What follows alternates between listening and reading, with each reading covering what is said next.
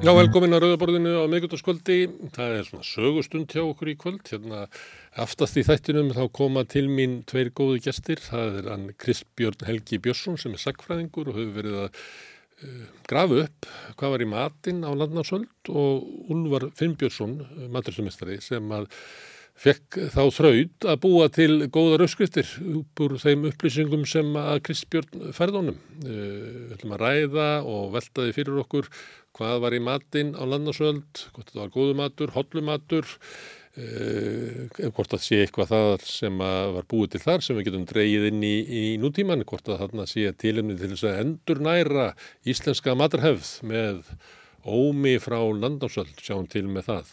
Við höfum svolítið verið að ræða bláu höndina og einriðaklíkuna, skugga stjórnunina á Íslandi í gegnum bakherbergi Valhallar fyrir rúmum 30 árum að þá gaf Örnólfur Arnarsson út bókina á slóð Kolkrabans eh, sem að fjallaði um einmitt þetta, um svona tök uh, já, kolkrabans í íslensku viðskiptalífi sem að þá var hausinn alveg klárlega einskipafélagið sem að tegði ánga sína yfir í flugleiði og þaðan yfir í alls konar önnu félög. Þetta voru valdastofnanir sem að tókst að sveia stjórnmálinn að sínum hagsmunum eftir þetta verður náttúrulega til gríðalegt auðmagn inn í sjávarútvegi og eftir þetta fellur sambandið og það færast til egnir og auður þar. En eftir sem áður þá ætla ég að fá að nördnólf hérna í heimsóknu eftir til þess að segja mig frá kolkrabanum á þeim tíma og kannski ræði við svolítið um hvernig á því standi að Íslendinga láta það yfir sig ganga að, að láta svona skuggastjórnendur uh, stýra landinu, uh, þjóna sínum hagsmunum en ekki almanna hag og ég kannski veldu upp fyrir okkur Íslendingar eru ja, auðsveiknari heldur en aðrar þjóðir að þessu leiti. Uh, Viðar Haldásson, félagsvæðingur, hann hefur komið yngað í vittal einu sunnið að þessar og verið að tala um félagslegan galdur, mikilvægi þess að við ræktum svolítið svona félagsleg tengsl okkur á milli, ekki, ekki endilega formlega, þetta er líka bara í spjalli út í bakari eða út í stormarkaði, út á götu, að við heilsu hvort öðru og brósum til okkar, þetta sé svona félagslegi galdur og svo náttúrulega má byggja hann upp í, í starri heldum og í starri félagum. Það er gaman að tala við viðar sem að, að, að leggur áherslu á þessi atriði sem að, já, mér finnst allavega, mætti vera meira ábyrjandi í umræðinu okkur að milli, þetta snýst félagslegt tilbriði, við ættum að rekta það meðal okkur eins og líkanlega tilbriði og, og andlegt og, og geðheilbriði, þá hefur verið að þroska með okkur félagslegt tilbriði sem að, að kannski er mikilvægst í þátturinn til þess að halda andlegu heilbriði. E, Viðar er að setja saman bók sem er eiginlega byggð á myndum sem eru tekið bara hérðan og þaðan, hann tekur svona myndir næstu því svona út í loftið og, og svo lesa hann út úr þessu, svona félagslegan raunveruleika. Ég ætla að gera smá tilrunnin eftir, fá hann til að koma með nokkra myndir og, og sem við kostum upp á skjáin fyrir þá sem eru að horfa á okkur á, á YouTube eða á, á, á Facebook. Eh, ég reynir nú að lýsa myndunum eitthvað fyrir þá ykkur sem eru að hlusta á í útarpinu eða í podcasti. Eh, því að kannski er ekki meginadrið hvað er í myndunum, heldur er meginadrið hvað viðar er að lesa út úr þeim um uh, hvernig er svona staðan á, á, á félaginu í okkur. Hvort að, að við séum kannski að hverfa ofan í einstaklingshyggju, starandi ofan í göpnir okkar í, í snjáltækin okkar og séum að missa af einu stórkoslegu félagslegu töfrum sem við raunverulega lifum inn í sjáum til hvað kemur út úr svona spjalli okkar út frá myndum hér á eftir þegar viðar kemur á eftir. En áður en að, að við förum í viðtölkvöldsins að þá minn ég ykkur á að samstöðin er svona tilhörnaverkefni þar sem að, að við erum að búa til efni og fáum til okkar gæsti og hittum ykkur, hlustendur og áhöröndur Eh, við erum ekki byggðið í algjör í sjálfbáðvinnu og í vanefnum, þetta er valla orðið halv áhuga eh, manna, þetta er valla orðið halv atunum manna deilt í dag en okkur langar til þess að þróa þetta áfram og við finnum það alveg að, að við erum að gera þetta, við erum að gera eitthvað gagn og fólku við gaman að þessu. Eh, ég hveti ykkur til þess að aðstokkur við að byggja þetta upp. Þið getur gert það með því að dreifa efnin okkar og vekja aðtikla á því, segja fólki frá því að benda þeim á það, að það sé hægt að heyra og sjá samstöðina á YouTube og Facebook í hlaðvarpi og í útvarpi. En þið sem að vilja leggja okkur lið geti komið í hópin orðið áskrifundur. Sem farið á einn á samstuðin.is þar er nappur sem ástendur áskrift. Og við ítið hann þá getið skráð ykkur fyrir áskrift sem er 2000 krónur í dag. Þið getið borga meira eða viljið og þeir sem að kjósið getið látið eh, áskriftin að renna sem félagsgjöld inn í allþvífélagið og það er mitt allþvífélagið sem á og regur samstuðina og hefur metnað til þess að, að byggja úr þessari, þessu tilhjónaverkefni okkar ja, öflugt fyrirbriði í íslensku samfélagi og veitir ekki af að margra mati það sem að, að það er svo mikilvægt að við höldum samtalenu upp í, í samfélagin okkar. Ég býst við að, að Viðar Haldarsson sem að kemur verður fyrst, fyrsti gestur minn hér eftir myndi vilja taka undir það. En eftir örstullið þá kemur Viðar hér að rauðaborðinu. Hvernig getur við réttlegt að sívaksandi hópur eblingarfólks festist á legumarkaði? Ebling stettarfélag. Samstöðin er í eigu hlustenda, áhörvenda og lesenda.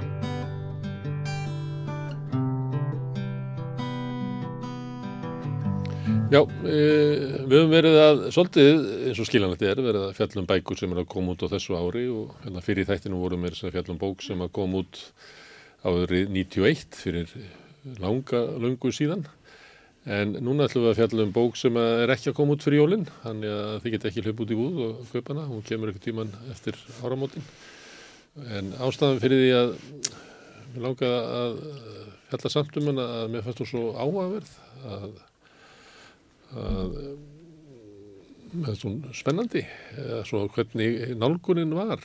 Við, hérna fyrir stuttu síðan að þá kalla ég til rítöfund að þið vorum að fjalla um svona mál sem er svona erfitt að, að höndla er kannski ekki alveg komið á svona matarborð hlaðborð stjórn, svona samfélagsumræðinar og reyndi að samfara hann um að hann hefði innsægi rítöfundarins til þess að, að fjalla um það sem að vera erfitt að ná utanum. En þessi bók, Viðar Haldursson félagsfræðingur, er eiginlega um innsægi félagsfræðingsins. Já, uh, bókin snýst um það að beita félagsfræðilu innsægi, þessum kvölduna, Sociological Imagination, á samfélagið. Já. Og sjá þannig kannski þetta sem er svolítið óræða og abstrakt og við erum alltaf að tala um einhver svona hugtök og einhver ströyma og stefnur, við erum að tala um samfélag, hvað er samfélag? Mm. Margaret Thatcher sagði einhver tíma að það væri ekki til neitt sem væri samfélag þetta væri bara einstaklingar. Samtögur einstaklingar Já, hvað er samfélag og hvað er hérna þriðjavaktin eða kapitalismi eða félagslegi töfrar eða fyrring eða hvað þetta nú er. Og ég er að beita þessi félagsvegi einsægi á ljósmyndir. Svo þú tekur sem ég tek, tekið á, á vettvangi fjölbreytta samfélagi síðustu árum til að svona sína samfélagið. Og bókin heitir Sjáum samfélagið. Mm. og hann er ég að reyna að, að fanga þetta óræða og þetta sem er svolítið abstrakt. En má ég að spyrja einu? Já. Tókstu myndirnar með þetta í huga? Eða varstu bara að taka myndir eins og við gerum mörg?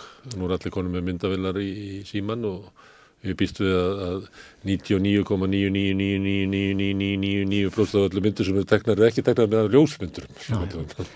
Tókstu myndir það fyrst og varstu svo að skoða það og lesa í þar eftir það? Já. Eða tókstu þar með það í hugafæri að þú varst að reyna að fanga eitthvað? Bæði og sko. Þetta byrjaði þannig ég tók ljósmyndir, uh, ég kynntist sem sé Visual Sociology, sjónarni félagsfræði fyrir einhverjum árum síðan. Já og fór þá bara að pæli í þessu og var alltaf með þessa myndavil hérna með mér já. og var að taka myndir hér já. og þar sko. Fekk áhuga því. Um, Þetta er filmuvel? Nei, þetta er ekki filmuvel Nei, hún, bara, bara það er retro lukka á henni sko. og hérna en, en, en svo sko já, svo byrjaði ég að rýna í myndirnar sko. Og þegar maður gerir það þá sér maður alls konar hluti í þeim sem maður sá ekki þegar maður var að taka þeim og að því ég að, var að reyna að fanga samfélagið þá tók ég bara stundum myndir af einhverju þú veist, ég var ekkur ferðarlega og, og bara fólk að býða á stoppistöð mm. og ég tók bara myndir. Ég var bara að reyna að fanga samfélagið í kringum mig. Mm. Og oft var ég ekki að taka myndir en einu sérstöku, bara að reyna að fanga mannlíf. Þannig að þú varst eiginlega að, að halda aftur að svona rýtskórunum innaðið með þér, þú varst ekki að reyna að taka eitthvað sem var fallegt, ekki eitthvað sem var svona klassísk myndataka, heldur varstur að reyna að fanga eitthvað sem var Já, óljúst. Já, og, og bara hverstagslegt, sko. Við viljum alltaf skoða, aðtiklu okkar festist á þetta óvenjulega, Já. þú veist, ef við sjáum einhver að vera dimmit þegar hann er í bæ eða eitthvað Já. svona skrítið, þá uh, það er aðtiklu okkar. En ég hafði meiri áhuga á svo kvestaslega sem við gefum ekki gögum. Mánundeginum. Já, eh, sko vegna þess að þetta kvestaslega, norminni kringum okkur, þau hafa miklu meiri áhrif á okkur heldur þetta óvenjulega. Mm.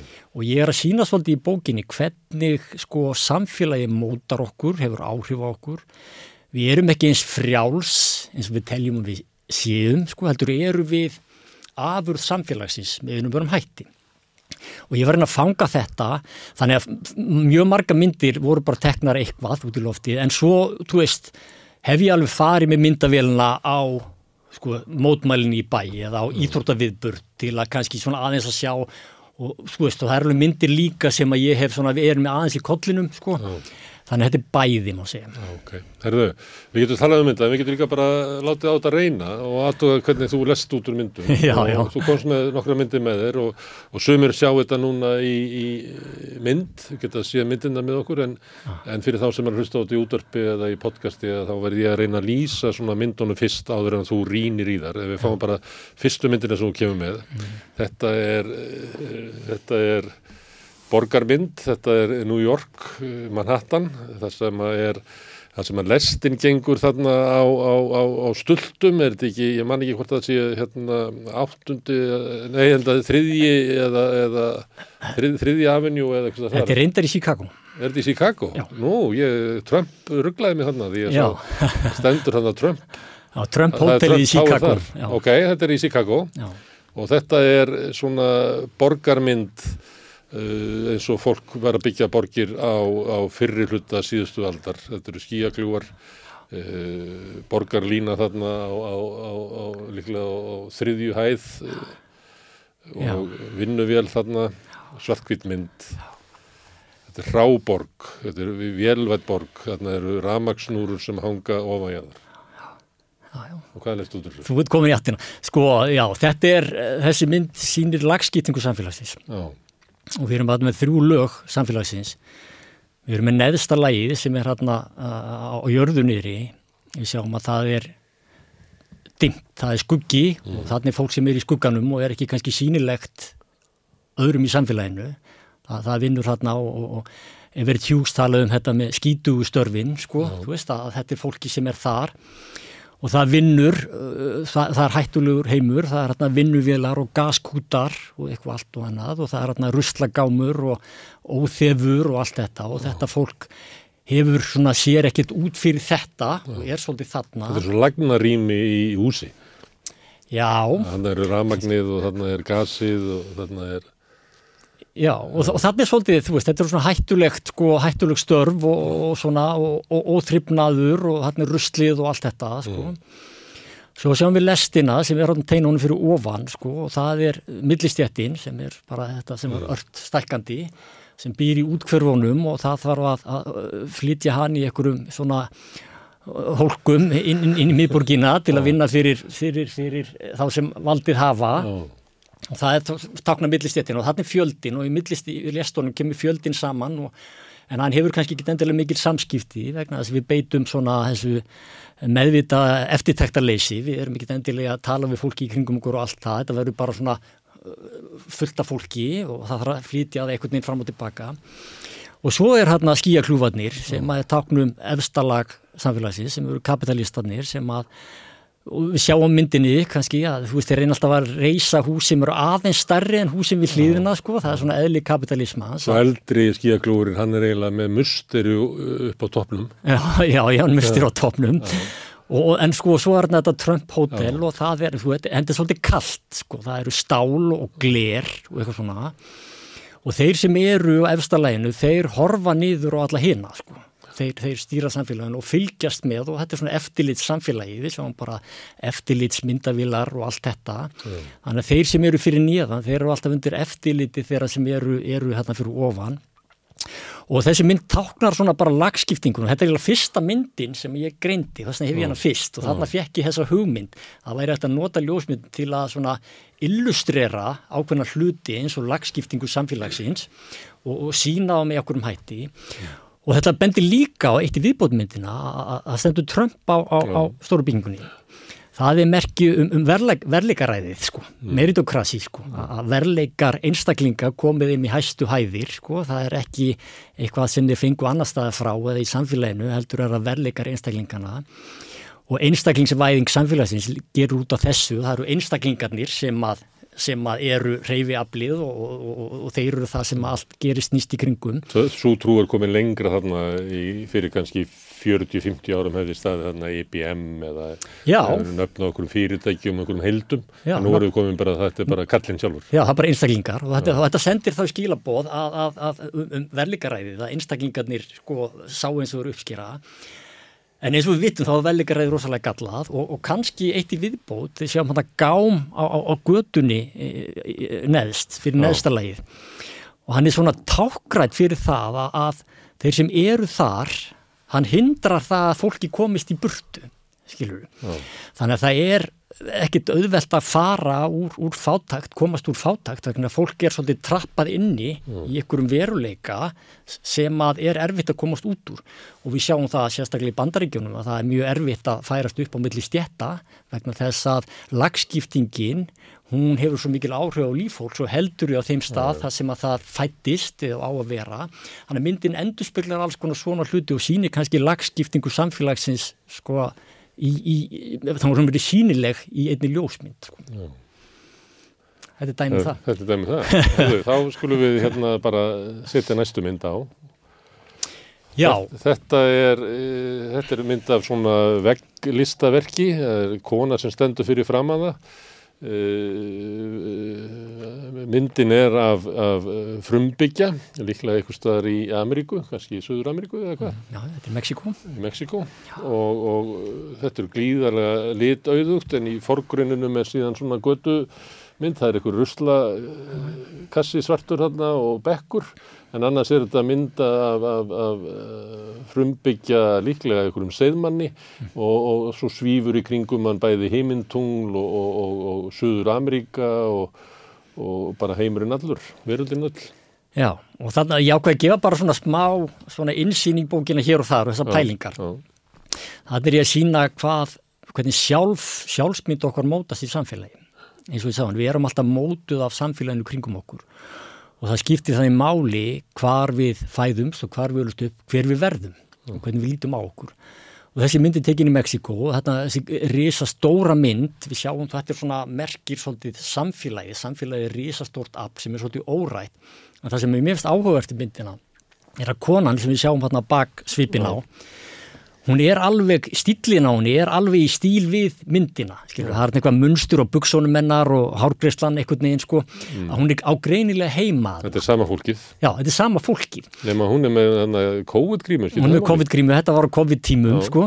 En þetta er það að sko við erum alltaf afsprengi þessa félagslega umhverfi sem umlikur okkur og það er fullt af myndum í bókinni það sem ég er með fólk sem er að ferða saman. Það eru allir svolítið eins mm. veist, það er bara sami stílin á fólki þú veist hvort það er klæðaburður eða holning á fólki þannig að sko umhverfið okkar það mótar okkur miklum hætti með svo fjölbyrlum hætti og þú veist, ég er þarna annar dæmi í bókinni sem að ég með heilan kaplum þetta sko, mm. það sem ég er með mynd frá, frá, frá New Orleans í bandaríkjunum það sem er mikil jazzhefð mm. og svo er ég með kontrastinu það er handbólti á Íslandi skilur. og hvernig umhverfi okkar og, og það mótar okkur sem einstaklinga hvað er merkingabært mm. ég var í hérna og góðsagnirnar í, í sögu okkar góðsagnirnar og þær voru hérna upp á veggjum í, í, á jazz tónlistastanum og allir fín klættir og það er svona þetta er virðingarvert og þetta er merkingabært og ég fór í einhverja badnavöruveslun hann í New Orleans og þar voru fullt af bókum sko hérna Johnny Plays the Trumpet og, og hérna mm. Michelle the Band Leader og eitthvað svona sko. Þetta eru bækur sem við finnum ekki í Íslandi sko. og þetta er svona dæmum það hvernig samfélagið og það sem við gerum merkingabært mótar hugmyndir okkar, mótar aðtapnir okkar, mótar skilning okkar og mótar sjálfsmynd okkar. Mm sem svona partur á argumentinu að við erum ekki eins frjáls og við viljum halda vegna þess að þetta ósýnilega afl samfélagsins sem ég er að reyna að draga fram í þessari bók, þetta ósýnilega afl það mótar okkur og sendir okkur í þessa átt fyrir ekkana þessa átt og allt þetta sko. En eh, varðandi eins og með handbóltan að, að við sem að þjóðs, uh, nú er hérna stutt í, í janúar sem er handbóltamánuður á Íslandi Já, sem að Íslandika samin að stanna gort í, í, í sigurum eða harmi yfir hérna gengi landsleisins. Það er bara hluti af mér sem að tekur þátt í þessu, sem er bara hluti af mér sem svona einhverju efstalæginu, íslendingur sko og svo er ég eitthvað allt annars konar dótri hérna, hérna reykvingingur og, vesturbæingur og hitt og þetta og svo í fjölskyldunum minni og svona. En ég tek bara þátt í þessu að, að, að, að, að þessu leiti en að öðru leiti kannski kemur þetta mér eiginlega ekkert við sko. Ég hérna sveiplast ekkert um, um uh, handbólti eru engin áhrif á líðan mín að þess að milli sko. Nei, nei, en það er akkur þetta, koma þessi augnablík í, í sögunni og hjá, hjá, hjá hóp. Þetta er svo trúarháttið bara. Já, við viljum alltaf sko tilheyra einhvern veginn. Svo Við, ramadan. við sækjum alltaf í að tilheyra og, og handbóltin svona sam einar þetta sjón, við erum þjóð á þessum stundum, mm. Flestir sem horfa á þessa leiki, þú veist, kunni ekkit sérstaklega mikið í handbólta, þeir veit ekki endilega reglurnar. Ég hef spurt stundum fólk sem eru að horfa á þessa keppni, hvað eru margir í handbóltalið? Veistu hvað eru margir inn á handbóltalið? Þetta er ekki sjö? Það eru sjö, já, en mjög margir sem eru að horfa og vita það samt ekki vegna þess að þetta snýst ekkit um handbólta.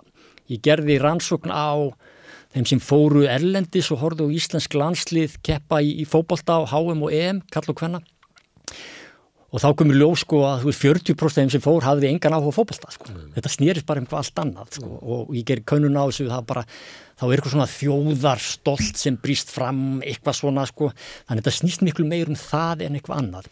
En í, í sko í, í, í New Orleans, þeir veit ekki hvað handbólti er sko, skilu og það sé að þetta er merkingabært fyrir okkur sem þjóð en fyrir New Orleans er það jazz. Já, og þegar þeir mæta einhverjum áskorunum að þá ætlar að taka það svolítið með jazzinum á meðan að við tökum það svona með handbóltunum með, með svona koma svo! Já, koma Við- svo Já. í íslenska gefikinn og allt þetta sem við notum. Það er sko. sama hvað á- áföllum við lendum í að við viljum oft taka það eins og við séum handbóltalandslið. Já, og, og, lí- og líka þetta og líka það að þetta skýrir það á hverju koma endalust að frábæru jazz tónlistafólki frá New Orleans Já. og endalust að handbóltamönnum frá Íslandi. Já.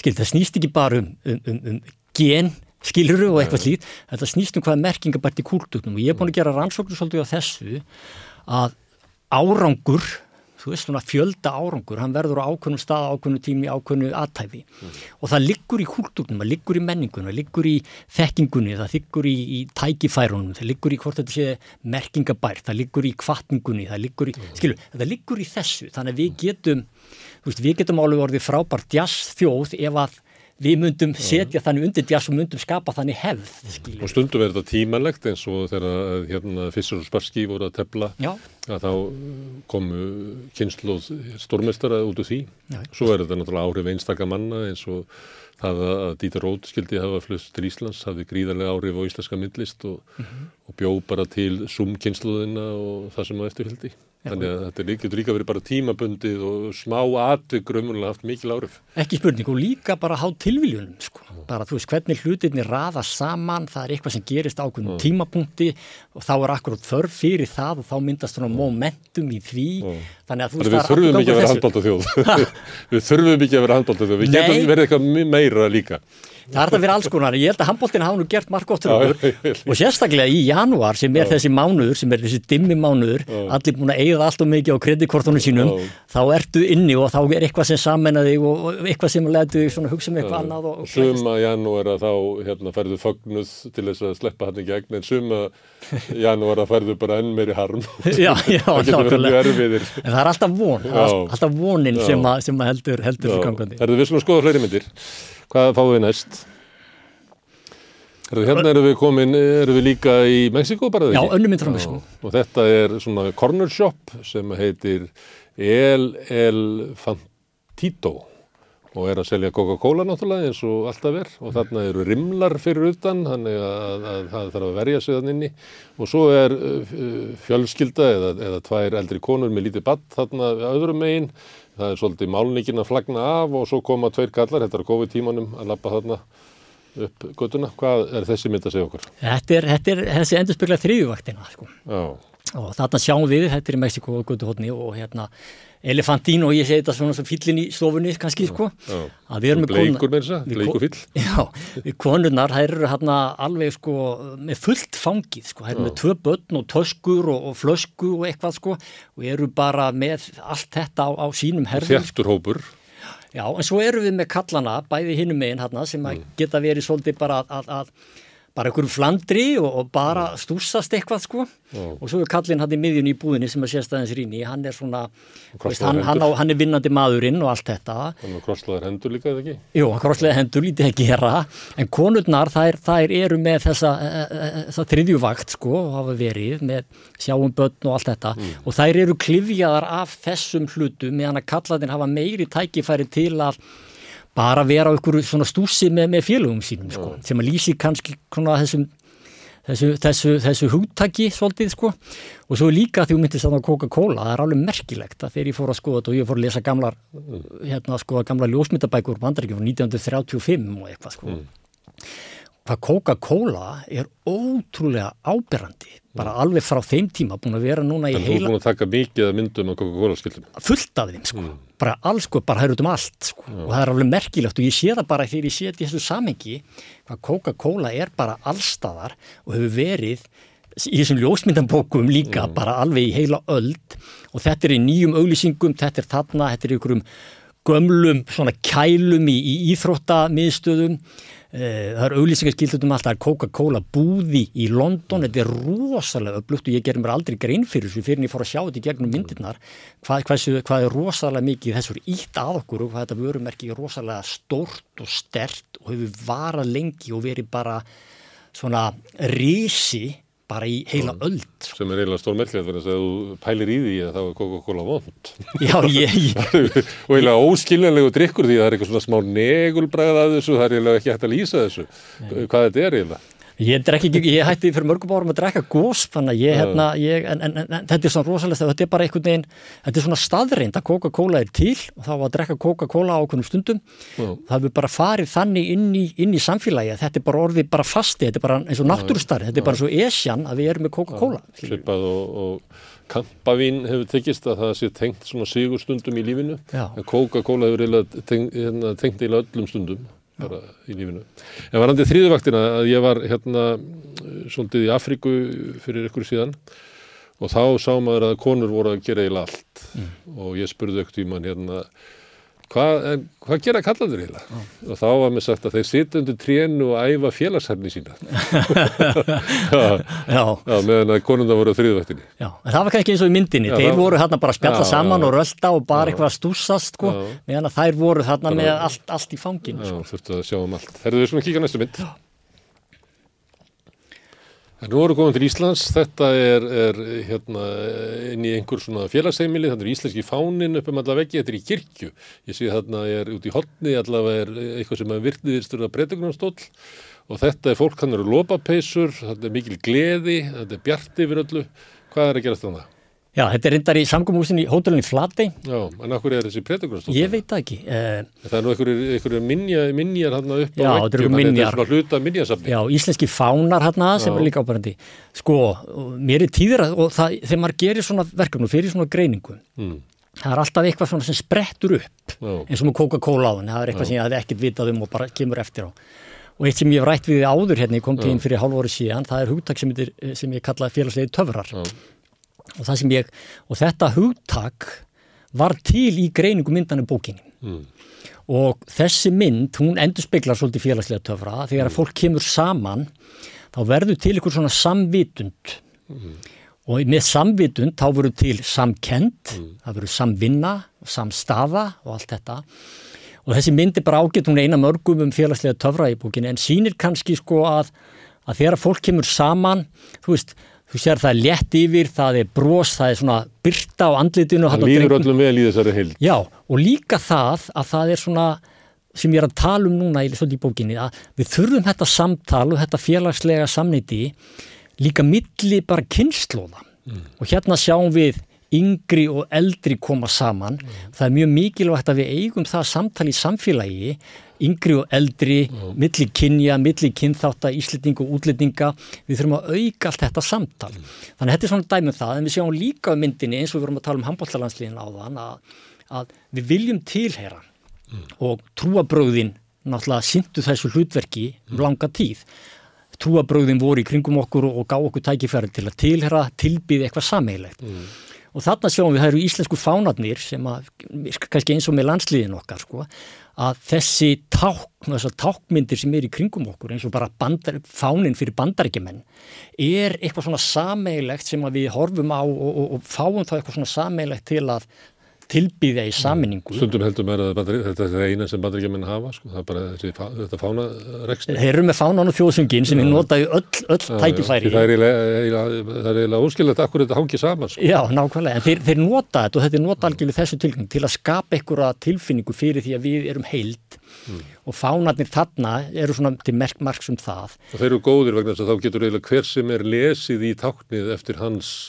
það geta að þú getur sapnað saman þúsund bandargemanum og þeir horfa á fánan mm -hmm. og kannski eru þeir að sjá uh, hérna, ólíkt fyrirbreyði sko.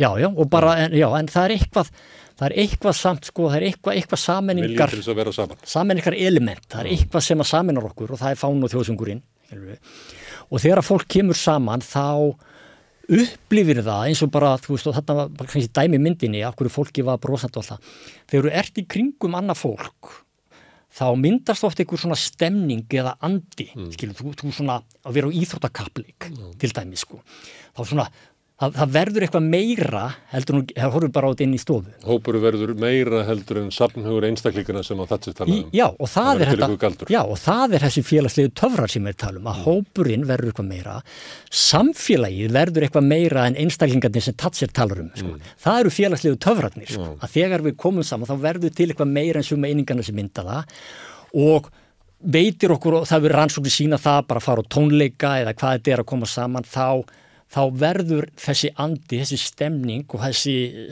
smitun tilfinninga og allt þetta mm. sem gerir atbyrjun og gerir félagslega, félagslega samveruna að félagslegum töfrum mm. og þessi mynd var svona eina myndunum sem ja. ég fjallum það. Þú leggur áherslu í sambandi þessa mynd að þannig eru marga kynsluður saman. Já og ég held að það séu margir sem að myndu taka undir með það að við þurfum að rækta meira svona félagslega töfra við erum hérna þurfum að rekta hópdýrið í okkur eða hvernig sem við myndum orða það. Er það mikilvægt þá að við, hérna, að góður hópur er sá sem að, að spannar sko ólíka kynnslóðir, mm. ólíka stjettir eða ó, bara fólk sem, sem ólíkast að ef maður væri kannski, ef ég ætla að meta það hversu hérna góður er þessi hópur sem ég er í hér til þess að sko rækta hópdýrið í mér þá get ég letið í kringum það, kringum og séð sko byttu er fólk að hér á ólíkum hérna aldri, eru innflytjendur og innfæltir hérna saman, er, er hérna fólk af ólíkum kynjum og, og þar eftir göttunum að ef að ég er í hópi það sem er, er sem fjölbreytilegstur, er það best fyrir hópdýrið í mér? Sko, já og nei, sko, ég held að þú getur alveg verið í mjög einsleitum hóp, já. líði mjög vel með það já. og hann veitir... Það er í múlakaffi með öðrum miðaldra kvítuköllum að borða kjöttbólur. Já, hann já. veitir er stuðning og hann veitir er styrk og hann veitir er þörf fyrir þína félagslu útrás og allt þetta, sko. En í samfélagslu tilliti, sko, hættan við þessa hópa er þá að það myndast gjá á milli mismunandi hópa. Það myndast þessi skautun eða polarisering þegar við erum engungu í kringum fólk sem er eins og við. Þá heyrum við bara það sem við viljum heyra en ekki hitt. Og elska okkar hvert fólki sem er eins og við getur aukist því meira sem við dissum hýna sem er öðruvísi. Já, sjálfsög. Já, ef við erum bara í kringum ákveðina hópa, ákveðin skilabóð, þá verður skautunum og polarisingin meir. Við fyrir að líta á aðra sem anstæðinga okkar og það verður svona ákveðin afmennskun með ákveðina hópa í samfélaginu en þú veist, þú getur verið í hópi sem er líkur þér og hann gerir rosalega mikið fyrir þig og alla í hópnum og auðgar mm. lífekkar og allt þetta og býr til félagsauð og allt þetta En út frá samfélagslegu tilliti þá er líka mikilvægt að við festumst ekki í engungi hópum sem við erum eins. Við þurfum þetta samtal milli ólíkra aðila mm. til að ná þessum tengingum, til að fjölga tækifærum fyrir félagslega töfra fyrir alla og til að byggja brýr á milli fólks. Vegna þess að anstaðan við félagslega töfra er það sem ég kalla fyrring mm. sem er bara svolítið meiri svona einstaklingshyggja sem er þessi afmennskun sem er merkingarleysi og allt þetta sko En get, kannski... get, get ég ekki stutt hana hjá mér mm. með því að hitta fólk sem er alveg eins og ég mm -hmm. þannig að ég er sannfærst um það að allt annarminnett fólk hugsa bara eins og ég og mm -hmm. þeir sem eru öðruvísi eru bara eitthvað skakkir eða, eða þú myndir ekki kalla það félagslega töfra þannig að stuðning sem ég fæ út úr hópnum við að viðhalda fyrringum minni um, og fordómum Jú, það getur, jú, það var ég hægt að þú félagslega töfra fyrir þig sko. en þá erum við, getur verið með samfélag og mismunandi levelum, sko. við getur verið með einstaklingslevel það sem hendar einstaklingnum, það sem hendar hópnum og hendar samfélaginu sko. og við erum á mismunandi stígum alla tíð sko. Kultúrin og menningarheimurinn sem við sáum á myndinni hjá meksikosku konunni sko, það er þetta efsta stík sko, bara menningssamfélagsins hópurinn er eitt og einstaklingar eru annað sko. Þannig einstaklingum getur liði vel í mjög hó hópi sem er kannski mjög fyrtur á öllu leiti en það hefur samt slæm áhrif á samfélagið. Sko. Hann býr ekki, hjálpar okkur ekki að búa til gott samfélag. Nei og það líkur kannski svona, uh, svona pínu gaggrinn í bókinni hans þar. Við erum að færa svolítið meira í samfélagi einstaklingsíkju. Það er svona haldið áfram að fletta í, okay. í óutkominni bók. Hvað mynd kemur næst? Herðu, þannig erum við, hvað eru við stættir? Þetta er í London. Þetta er í London. Já. Og þetta er hérna svona venjuleg svona eh, verslunagata, svona ekki high street beint. Þetta eru svona ymsar búðir þarna, sumar eru lokaðar, aðra farnar líklega á hausin, eh, mikið af svona hjártgreitu fyrir kannski er þetta tekið á sunnudegi þegar búðunar eru opnar. En þannig er fólk að lappa og einhver er að horfa á síman sinn og Og, og, og svo þarna er þetta fyrir ofan eru líklega íbúðir. Þarna eru mikið af auglýsingum. Come from away er auglýst þarna. Þannig er þannig verið að auglýsa bara stórkostleg hérna leikrit, sungleik eða eitthvað. Já. þetta er algjört mistarverk sem eru auglýsað þarna Hvað segir þessi mynd okkur? Já, fyrsta lagi, fyrsta sem, þetta, þetta er bara mynd sem ég tók bara Já. og var ekki að pæli inn og einu og mm. bara sá eftir á sko. En myndirna þú er endurspegla samt sko stærri veruleika, ég sé þetta mjög víða sko þessi myndi og þetta sjáum við, þetta eru uh, fjórir aðilar sem er að lappa á þessari götu, á þessari gangstétt, mm. það eru allir einir mm. og ég veit ekki hvort það sést á skjánum en, en það eru allavega þrýr í, í samskiptu við tólinn sín og tækin, snjalltækin. Já sem er lengst í vinstri, hann er á horfi síman sinn og báðar konurna sem er að mætast það eru báðar með eitthvað í eironum sko. Mm. þú veist, þú er að hlusta á eitthvað. Og þetta eru allt einstaklingar. Og það er enginn sem að svona horfir upp sko og, og vekur uh, hinn um aðigli, konurna sem er að mætast þú veist, það er horfa niður og horfa beint fram. Og það er svona merkjum kannski svolítið fyrringu samfélagsins að það er orðið einhvern veginn sko ó ó, maður á ekki að horfa á annað fólk, maður á ekki að veita því eftirtekt það er frekt já, það er bara, það er bara dónalegt eitthvað, sko, er, við erum komið þangað svolítið, sko. það er svolítið í stærri borgum að það er dónalegt að horfa í augun á fólki í söfnunum. Já, og, og, bara, og bara horfa á fólki yfir höfuð, þannig að horfa allir bara niður fyrir sig og beint fram sem að sínir mm. samfélag einstaklingshyggunar og samfélag fyrringar mm. og þegar að fólki er að horfa í, í, í, í tækin sín þar hlusta eitthvað, þá er það ekki meðvitað um umhverfi sitt mm. líka. Þannig að það er eitt, að þetta er einstaklingar í samfélagi sem að sína fyrst samfélagi hitt er það sem ég fann svo enn áhugaverðara. Það eru þessar, þessar, þessar vestlanir og búðir sem eru alltaf í kring sem við myndist á, við erum fyrsta lagi með Phoenix leikúsið sem er með söngleik. Kom from away, bara bara kraftaverk og bara soul-feedingly wonderful og eitthvað inspiring og allt þetta, skilur við við erum með StubHub sem selur miða á alls konar skemmtanir og íþróttakappleiki og, og tónleika og, og töframenn Já. sem að draga, kaninur og hatti og eitthvað slíkt. Við erum með veip búð sem að selur svona nikotínfíkni í hérna ykkurum, ykkurum tækjum. Við erum með fantasíu sem er nuttstofa sem þú ferði inn til að láta líður þér og allt þetta. Þetta fólk er alveg á mörgunum að næstu því að bara ganga inn í himnaríki eða gengur inn í þetta sem að vera að selja þeim. Já og það er, það er akkur punkturinn sko. Ég er að segja félagslegu töfratnir hafa kannski verið að færast úr þessum mannlegu samskiptum eins og við þekkjum það að því við erum komin í einstaklismiðar af samfélag og hvað gerist þá?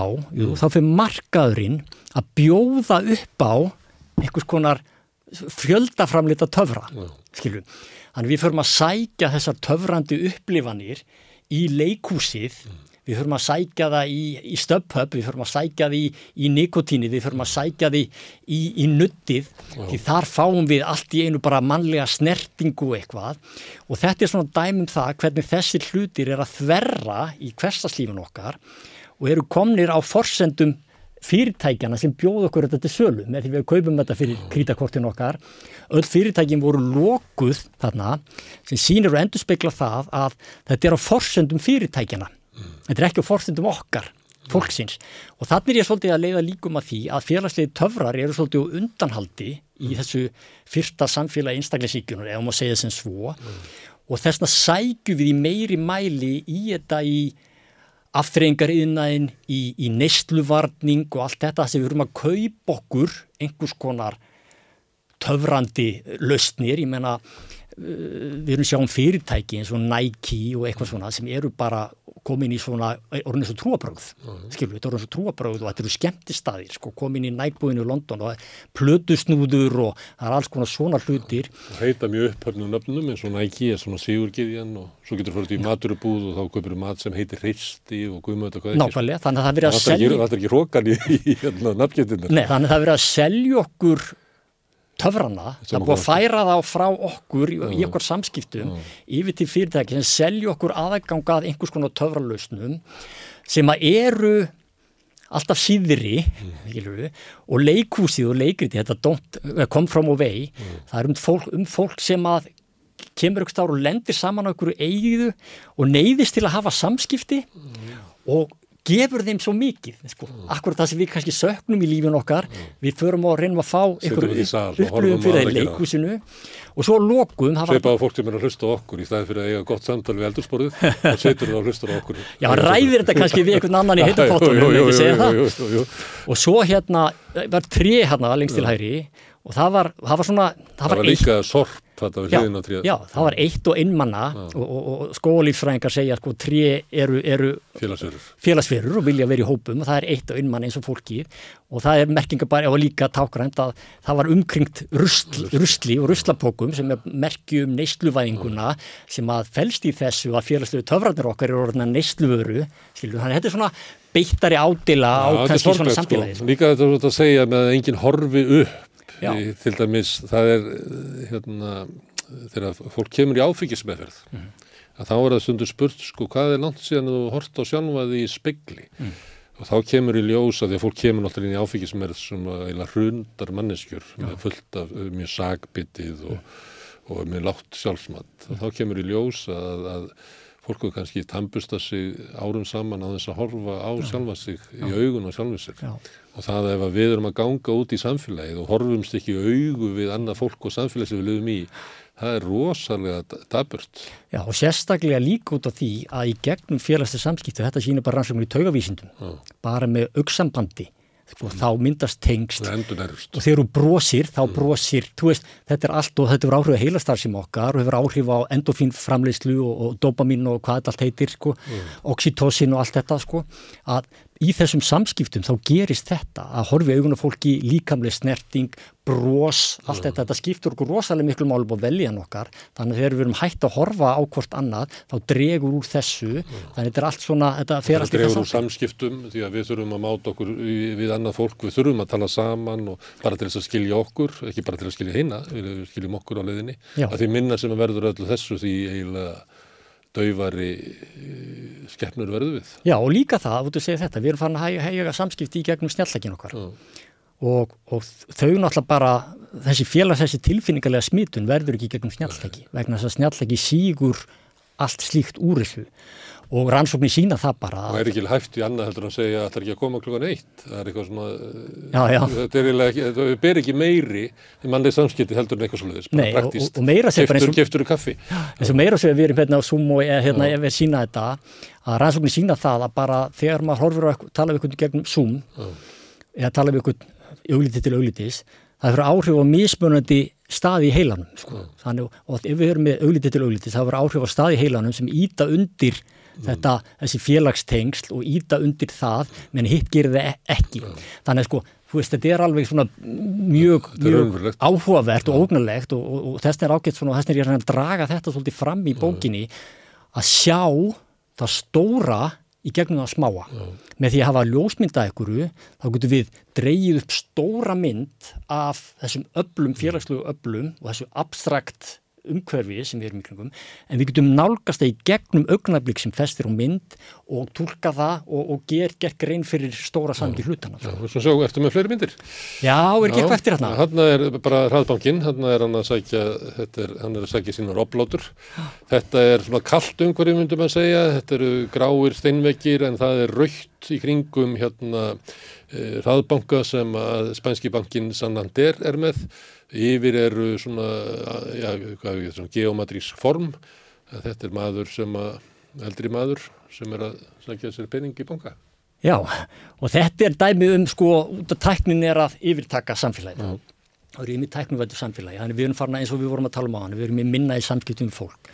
Og þarna sjáum við mann, hann er að eiga í, í ekkur konar eh, erðagjörðum í, í hraðbanka. Það sem hann er ekki í samskipti við neitt, neitt fólk, bara við vél, skilur við sem okkur þykir þægilega róðið sem okkur þykir þægilega þægilega heldur en eiga samskipt við fólk. Já, af hverju er það að því út félagsvægur hvernig, af hverju finnst fólki þægilega að fara á sjálfsafgriðslu standin í kjörbúðinni heldur en að fara það sem að vera aðkvæða Já, kannski er þetta bara partur af þess að við erum aðveru samfélagsins sem hefur ítt okkur þangað og við hefum sagt okkur það að við eigum ekki vera óna á aðra. Við, okkur verður talin trúum það að heimur sé svo hættulegur og við, allt, og, og þú veist Það er náttúrulega líka búið að strýpa íla samskiptin okkar við þann sem er afgreð okkur. Niður ég eiginlega ekki neitt sko. já, já.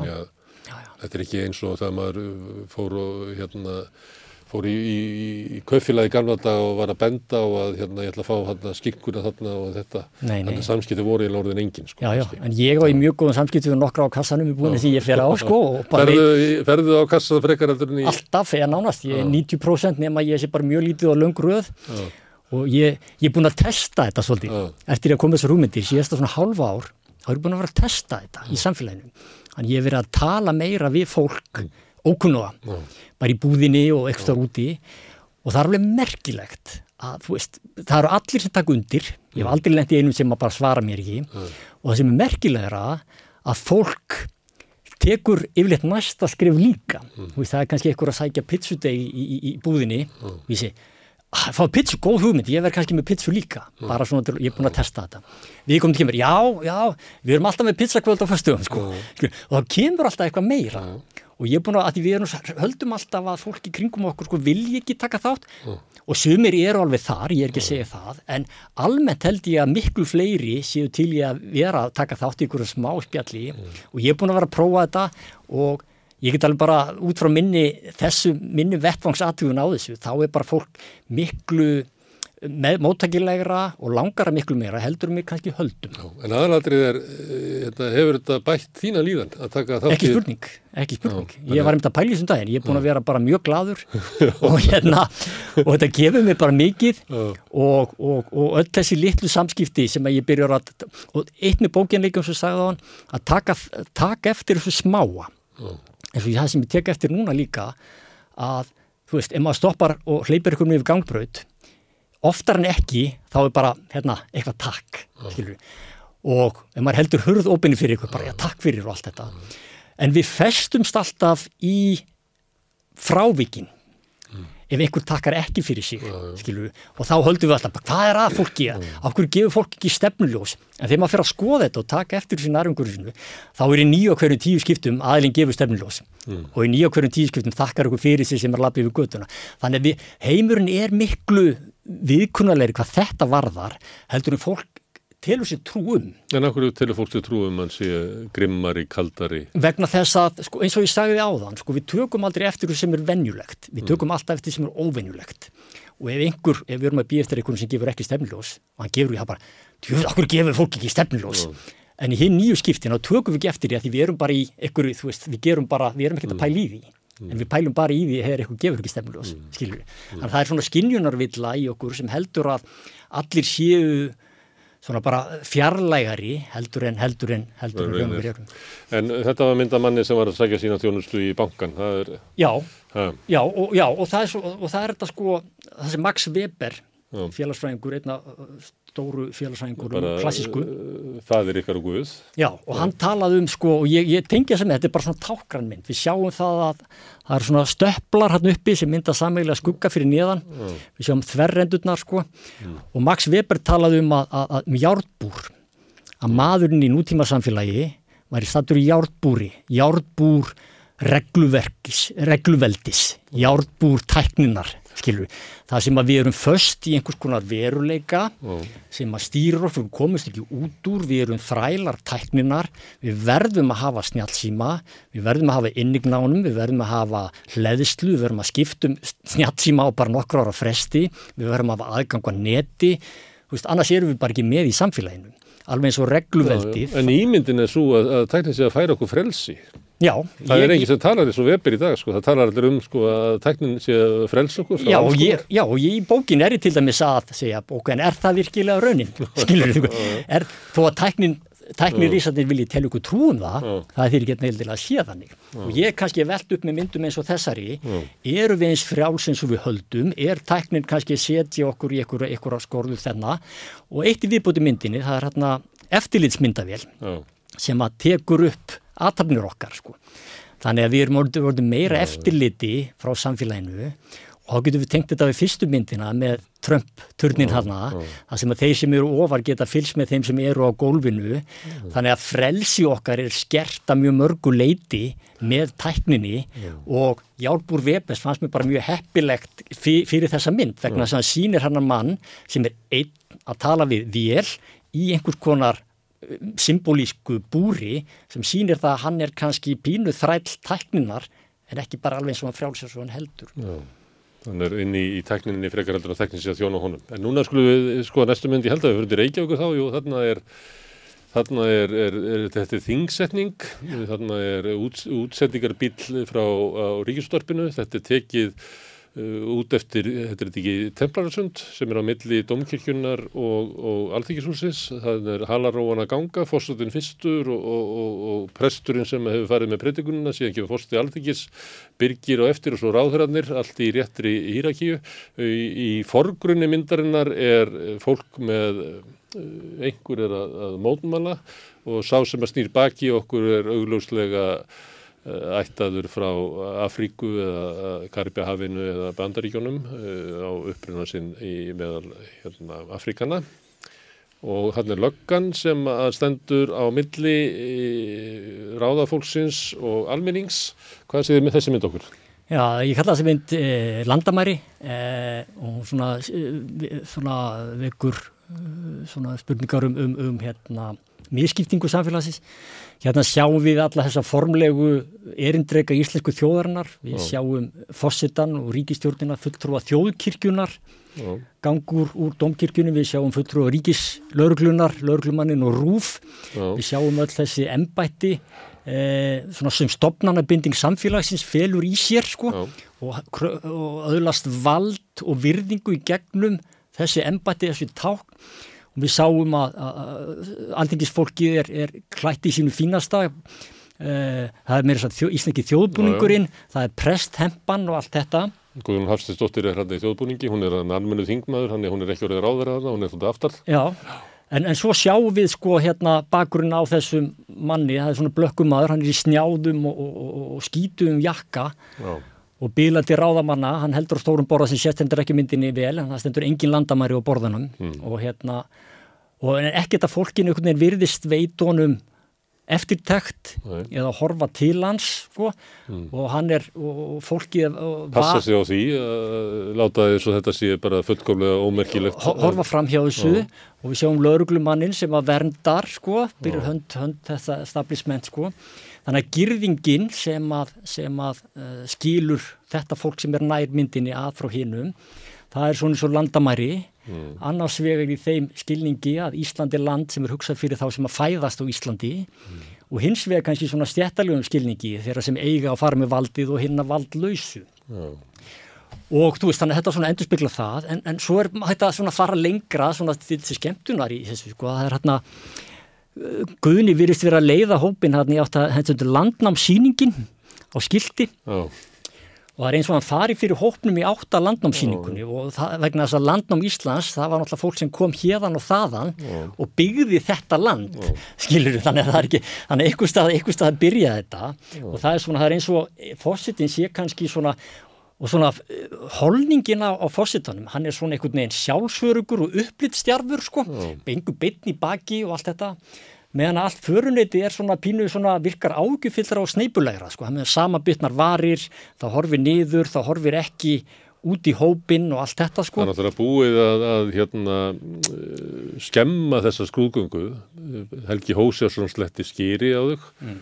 Og einhvern tíma var kastað ekki, svo letti í gagni honum á einu þingmanni sem að fjall nýður, þannig að einhver leiti er búið að eigðalegja Helgi þessara göngu, að, að almenningur hefur Eh, alltaf í tvígang og oftar eh, svona gert lítið úr þessu. Þannig að þetta er ekki kannski þetta er ekki siguganga fyrir þingmennina. Nei, enda, enda þau við, þau eru með pínuður skömm. Já, enda, enda sér maður bara á líkams holningun á því, sko, það er þau eru pínu sneipulegri heldur en fósittin enda sagði fósittin nokkru mínútur setna í, í setningu þingsi þá hvartan þingheim til að taka við, sko, horfa innflytjandamálin af meiri samhigð og allt þetta sko. þannig að hann var pínuð svona Rösnaska pjartans Já og, og þannig að miskipting heimsins hún byrtist kannski þarna einhverju leiti í þessum málöfnum og, og hérna og hvaða er mikilvægt að fæðast með rétt vegabref eins og, og Sigurður Víðis Jónsdóttir sagði frábæri bóki fyrra mm. að fæðast með rétt vegabref og við sjáum að fyrirfólki er enþá kvítt og miðaldra mm. skiluru og þarna sjáum við í baklutana á manni sem að kannski þú veist, hefur ekkert ákveld land Nei. og ekkert vald og ekki neitt. Já, og, og það er kannski þetta sko að við getum ekki lengur kannski hort fram hjá þessu. Nei. heldur verður við að, horfa og, og, og taka þátt í, við varum að tala um samtal á það sko, við varum að taka þátt í samtali við fólk sem er öðruvísi við og kemur annar stað frá en var óheppið að fæðast með ránt vegabrif. Við getum ekki bara neytað í að það sé til, heldur verður við að, að, að, að viðurkenna það að þarna er á meðal okkar eitthvað sem að fær engin réttindi Já, Frá, hann er bara vald... Þó að sé nákvæmlega maður eins og þú. Já, bara valdlaus og landslaus ja, og það er yngir sem horfir á hann eða, eða gefur honum eitthvað færi á að, á að, á að, á að tengjast með einum verðum hætt. Þótt að sem bara sömu óskir um, um sitt líf og, og framtíð eins og Já. allir aðeins. Herðu, það er einmyndu vott, við skulum kíkja á hana, þannig erum við komin í neðæra lest. Ég áttunum ekki í hvaða borg þetta er. Þetta er í London. Þetta er í London. Þarna er bara fullt af fólki, allir, já ekki allir, flestir eru að horfa ofan í, í snjálfsímana sína en einhver eru nú að tala saman hérna og fólk er samt svona að horfa, það eru uh, tvær konur allavega sem að horfa upp, kannski er það vegna þess að það er, er, er ekki bann þarna, þau rjúfa oft, oft múrin á milli fólks að þú mátt horfa bann og dorsta því, þú meir ekki horfa annað fólk. Já, ég vildi enda þetta aðeins svona í ákværi nótum. Og hérna Þetta er, þetta er síðasta myndi sem ég tók, tók hana bara núna fyrir skömmu, uh, bara nokkrum bara vikum. Og þarna sjáum við vinstra megin, það eru tvær konur að tala saman. Og ég var búin að fylgjast með þeim, það byrjuði bara að tala saman, það þekktu skreinlega ekki. Og byrjuði bara að tala saman. Og kannski var barnið sem er í barnakerunni sem mikið til þess. Það er svona, hundægjandur segja þetta, já, ef þú vilt kynast fólki þá ættu að fá þér hund, hundægjandur, það. er leiði til þess að hundægjandur tala saman. Já, það er mjög góða punktur. Og þarna voru þær að tala um, við sjáum það fyrir vel á með þeim, það er brosa báðar og það er eitthvað svona gleði í gangi og það er eitthvað tenging. Já. Það er eitt. Og þetta er dæmum félagslega töfra. Mm. Þetta eru bara félagslega töfra í litlumagni, bara því að fólk fær bara bros, sínir smá samkend eða smá samvitund, það er dæmum félagslega töfra. Hinnum er á myndinni, hægra meginn, þá sjáum við að bara endalusi röð, Já. ég er búin að telja, taldi sex manns, Já. allir með snjálfsíman á sínu lofti, snjálflækin, og fólk grúur sér yfir tækin og tólin og er með augun og aðtiklina á skjánum. Nema ein kona sem situr hætti miðjunni. Hún er búin að setja snjalltækinir í kjölduna hún er búin að rétt úr sér horfir upp sér atbyrðar á sína konurnar tvær sem er að tala saman og, og hlæja á eitthvað fram að sig og hún brosir skilju að mér finnst þetta svona mynd, tákra mynd fyrir það að snjalltækin þau þau taka aðtíklu okkar frá þessum félagslegu töfrum sem eru allt í kringum okkur mm. en þegar við áttum okkur á þeim eins og konan hann þá brosir hún og það gerir öll samskiptin merkingabærari bæði fyrir konurnar sem eru hinum megin mm. þá er þetta orðin einhvers konar meiri samvitund mm. aðtæfi þeirra höfðu áhrif á mig mm. aðtæfi þessara tveggikana munu kannski hafa áhrif á þá sem lesa bókina skiluru, þannig svona lítil samskipti og horfa upp og sjá eftir svo taka þátt í lífin og tilvörni, það getur gert alls konar hluti sem skapa félagslega töfrutum allt sem að, þannig að sko eh, ég ætla ekki að vera að minna domstagsbár mm. domstagsbár, en, en sko ef að við, og bókin er til að hjálpa okkur að sjá samfélagið mm og hvetju okkur til að átt okkur á þessu ósynlega aflíkringum okkur og hvernig okkur er stýrt svolítið á alls konar öblum í hinar og þessar áttinnar og átt okkur á, á mikilvægi þessara litlu samskipta, sjá fegurðina í augnablíkinu, sjá fegurðina allt í kringum okkur og ef við gerum það... Það er veröld sem við lifum í raunverulega Já. og erum svolítið hafnaði að afþakka að taka þátt í með því að grú okkur ofan í steltakinn og þá erum við að klippa okkur út úr Já. í félagslega umhverju sem við erum stödd í hverju sinni. Já, en svolítið, en ef við höldum áfram að skapa þessa félagslegu töfra okkar á milli, mm. þá munum okkur bara vegnast vel, þá munum við sko halda, ef, ef við getum haldið mm. því, sko, frekarna það fari í hinóttina. Sko. Má ég spyrja út í þessa mynda því að það er augljóslega barnið sem að rýfur þetta. Það er augljóslega... augljóslega barnið sem að rýfur einangrunina. Það er barnið, það er mátt tala, þú mátt ást á barninu, þú mátt sjá barnið. Já og eh, hérna, það er svolítið þannig að, að, að, að því að barnið er ekki með neina sögu og það er náttúrulega, fyrir þannig að börnur er náttúrulega stórkostlegt kraftaverk já, já. Ég man eftir þegar ég var hérna, þegar maður var á Ítali þegar ég var með dótti mína lilla já að hérna einu sinni þá vorum við í fenjum mm. það var svona eldri kona hinum einn við göttuna mm. sem kom hlaupandi sko yfir göttuna til þess að taka í kynninga og að segja já, bella bella já, já. því að, að, að sekkur leiti eru börn bara dásaleg en, en samt er þetta eitthvað þannig að, að sko börnin er ekki með sögu það, maður gætist snúið þessu ég veit að þú vilt enda þetta á jákvæðanótum að leið og eldist að þá ertu komin að þá ertu með meiri svona byrðar með þér og sög og við erum erfiðra með að taka mótið þér bara hérna, með opnu hjarta. Það, það er líka félagsmótunin sko. Við, við mótumst í það, sko, við glötum þessari barnslægu forvitni. Já þegar við eldumst Já. og félagsmótun og förum í okkar þarveg Já. og ég er mynd með mynd aðra af ungri stelpu sem að er að horfa á allt annað en allir í kringum hana Já. og ég mynd að hvetja fólk þessi barslæga forvitni, hún er svo mikilvæg skilur, en við glötum henni vegna þess að við erum félagsmótu að gera þetta og hitt, við eigum að hafa eitthvað svona og svona við eigum ekki að tala við ókunnuga, við eigum ekki að horfa við augunum og við lærum þetta allt þegar við verðum eldri og mótumst förum í þann farveg sem að ég held að sé alls ekki, alls ekki gott fyrir okkur að glata þessari, þessari, þessari forvitni og þessari baslaðu innlægni, skiluru, og Svo þetta er líka svona kvartning til þess. Barni í kærinu hafði öruglega hort á, á, á, á konuna. Já, já, já.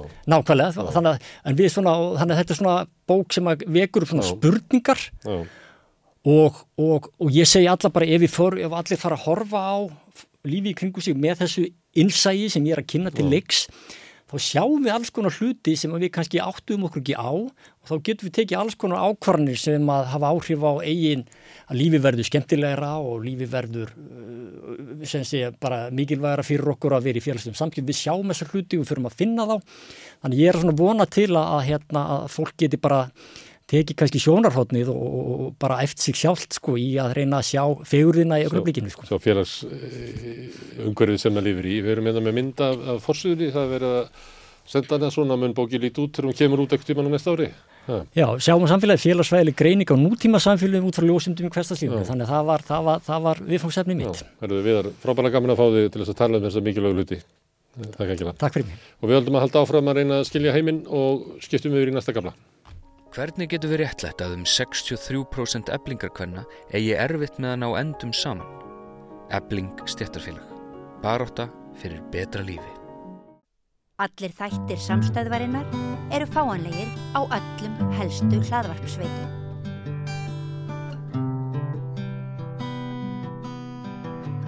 Já, við höfum verið að ræða hérna undarfarið í tilefnu þess að, að, að var gefin um bók sem heitir Eimreiðar eh, Elítan, spillingarsaga.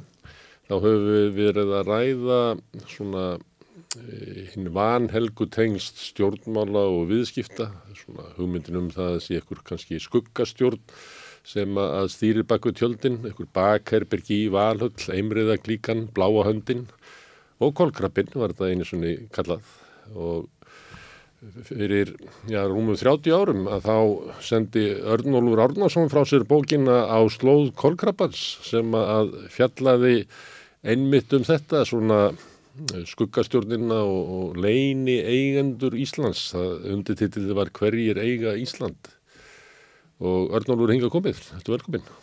Takk fyrir. Það er kannski eðlert að spurja svona fyrst hérna af hverju varst að skrifa þessa bók? Já, það, hérna, eh, það er nú bara hreinlega vegna þess að, eh, mér er svo mörgum blöskræði e, spillingin Já, og e, fyrsti kvartin var nú eiginlega samþjöppun í viðskiptalífinu og svo tegðu þetta sig svona eðlilega inn í, inn í valdið sem fylgir e, miklum auði og og söfn, söfnun auðs á, á forramanna hendur. Og þá koma náttúrulega betur og betur í ljós tengslinn við stjórnmálinn í landinu. Já, og uh, þetta átti sér náttúrulega langa sögu frá, frá þessum helmingaskiptum sem voru milli sjálfstæðisflóksins og, og, og framsóknarflóksins aðalega og uh, skömmtunarinnar upp úr stríðinu. Og uh, það var allt skamtað, það var innflutningsleifin og uh, sem, sem, sem var svo skipt á milli uh, hérna sambandsins og heilsamanna. sambandsins og heilsalana sem voru annars vegar sjálfstæðarflokkurinn og hins vegar framsóknarflokkurinn. Nú svo var náttúrulega uh, bankarnir, ríkisbankarnir, þeir skömmtuðu bara alveg uh, hérna, alveg reynd fyrir allra manna augum uh, hérna peningana til, til allra hluta, til, til að kaupa fyrirtæki, til þess að setja upp fyrirtæki, til þess að, byggja yfir sig uh, þeim sem hafðu flokkskýrstinni. Já, og þetta var þá ekki gert til þess að örfa efnarslífið eða skapa nýsköpun heldur fyrst og reynst til þess að viðhalda bara óbreyttur valdarhlutullum í samfélaginu. Já, þetta þróaði svona Já, og hérna uh, ég skrifaði þetta náttúrulega að, nokkru leiti sem gamansögu.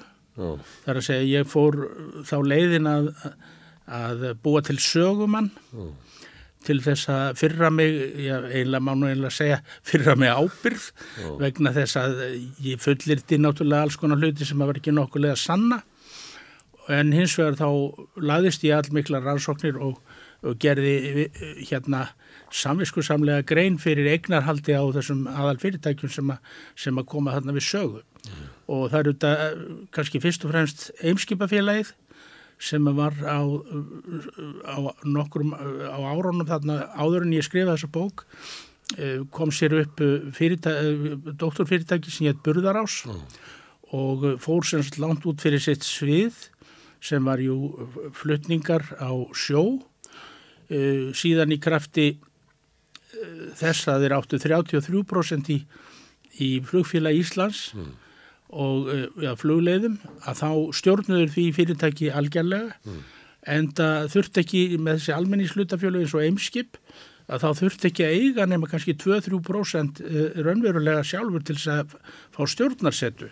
Já, og það, það eh, náttúrulega fjalla ég um í löngumáli í þessari bók hvað í raun og veru þurft að leggja lítið fram af eigin fjö til þess að ráða öllu já. Og það í eimskip var það af ýmsum ástöðum meðal annars að það var hins svo kallaði háskólasjóður sem að, að, að Já, sem- var framlag sem að vestur íslendingar hafðu lagt til stofnur að eimskip og Já. hafðu síðan sapnaði saman og gefið háskólanu það. En það var svona sjóður þar sem að þeir sem að náðu yfirráðum í eimskip gáttu notað atkvæðmagn þessa Já, sjóðs ef þú náður einu sín sinni eigin yfir völd. ráðan og þá hafðir þau atkvæði, atkvæði þessa sjós Já. og það var eitt af því og það, var, það munnaði, munnaði mjög um það Já. en eh, Þetta er eiginlega bara versnað, Arnóður, ég var að hryggja með því að núna er þetta þannig að þú getur stýrt fyrirtækjum með því að eiga kannski 8 eða 9 brúst í þeim því að, að, að lífeyrissjóðunir eru hérna svona, hvað ég að segja, silent partners. það hefur komið til núna, já. En svo náttúrulega sko gerist það auðvitað eftir að ég skrifa þessu bóka þá eh, fer, að, fer maður að- finna verulega fyrir, fyrir hérna afleiðingum kvotakerfisins Já, Uh, það er ekki, ég fjalla ekkert um það í þess, þessari bók en það áttaði mig þessi ekkit á því að ég áttaði mig ekki á því e, alveg hver, hver, til hvers það myndi leiða. Nei, það, þú, bóki kemur út 91, Já. það er eiginlega 95 þegar það verður heimilt að veðsita Akkurat. að þá verða til bara fleiri hundruð miljardar á bara einni nóttu og það er náttúrulega eiginlega sko mest í auður auðvaldsins á Ísland í dag var til með þeim hætti. Heldur betur. Já. En þarna líka á þessu tíma þá uh, var sambandið ekki farað hausinn. Nei, en það svona, e, það má segja að, að, að Eimskipafélagið og, og tengd fyrirtæki sem ég fjalla aðalega um í þessu, þessari bók að var nú svona farið að hafa yfirhöndina í þessari viðuregn og hafði það nú kannski alltaf. Já. E, var heldur sterkari kólkrabbin heldur en smokkfiskurinn sem að kallað kalla var. Það var nú eiginlega kallaður eftir að nafnið kolkrabbin fjall á hitt sem var þá eimskip, uh, flugleiðir, sjóvá, skeljungur og, og svona fyrirtæki þar sem að þau unnu saman. Þetta er náttúrulega, Já, þetta var, var svona auðringa já, myndun og, og hérna fákeppis og einoguna fyrirtæki. sam, samráð, Já. uh, mikið samráð uh, sem er týðkast enn þann dag í dag, heldur betur Já, og hérna bæði böngunum og, og, og, og hérna og tryggingunum og, og olíudreifingunni. já. Og svo fer sambandið á hausinn bara eiginlega upp úr þessu uh, og þá verður til svona, eh, þá fara eignir sambandsins til örfára karla Já, já. sem að framsvonarflokkurinn sætti sig við að verði bakhjall þess flokks í Já, staðan fyrir sambandið. En það er náttúrulega að því að tala um 95 þegar að auðurinn verður til í sjárútvi að, að, að þegar að, að hinn félagslega eigg sambandsins er umverulega engavætt með hérna því að, að það séu einhverju svona rittarar þar sem að náði undir sig að það er líka svona stort skref í Ég hef mikið velt í fyrir mér að hérna eh, ekki síst núna á síðari árum þegar ég eh, eitt svona um það byrj þriðjungi ársins í Suðustur Asíu þar sem spilling er mjög rótgróin og, og grassir er alveg niður í, í hérna niður í rætur þjóðfélagsins. Já. að hérna hvernig á því stendur að, að við hér á Íslandi látum yfir okkur ganga svona, svona mikla spillingu? Og uh, sem er í raun og veru fyrir allra augum því þetta er ekki eins og þetta sé neitt leindarmál og var það aldrei.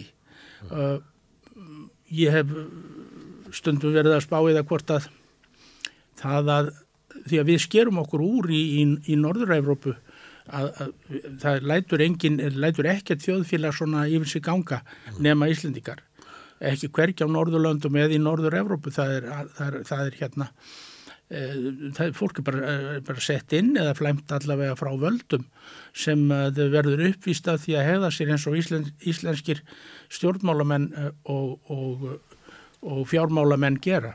Uh, ég stundu verið að velta því fyrir mig hvort það kynna vera því að við erum fyrirverandi nýlenda því að þessi lönd þar sem að ég er svo mikið núna á síðari árum eins og Indonesia og, og Vietnam og Kambodja að þ- þetta eru lönd sem auðruðu frjáls svona upp úr, upp úr hérna setni heimstyrjöldunni og uh, þar hefur eiginlega ekkert gengið við að, að uppræta spillingu, hún er er, sko svo djúft að, að eh, fólk þarf að kaupa uh, kennarastöður og, og, og, og lögreglu störf.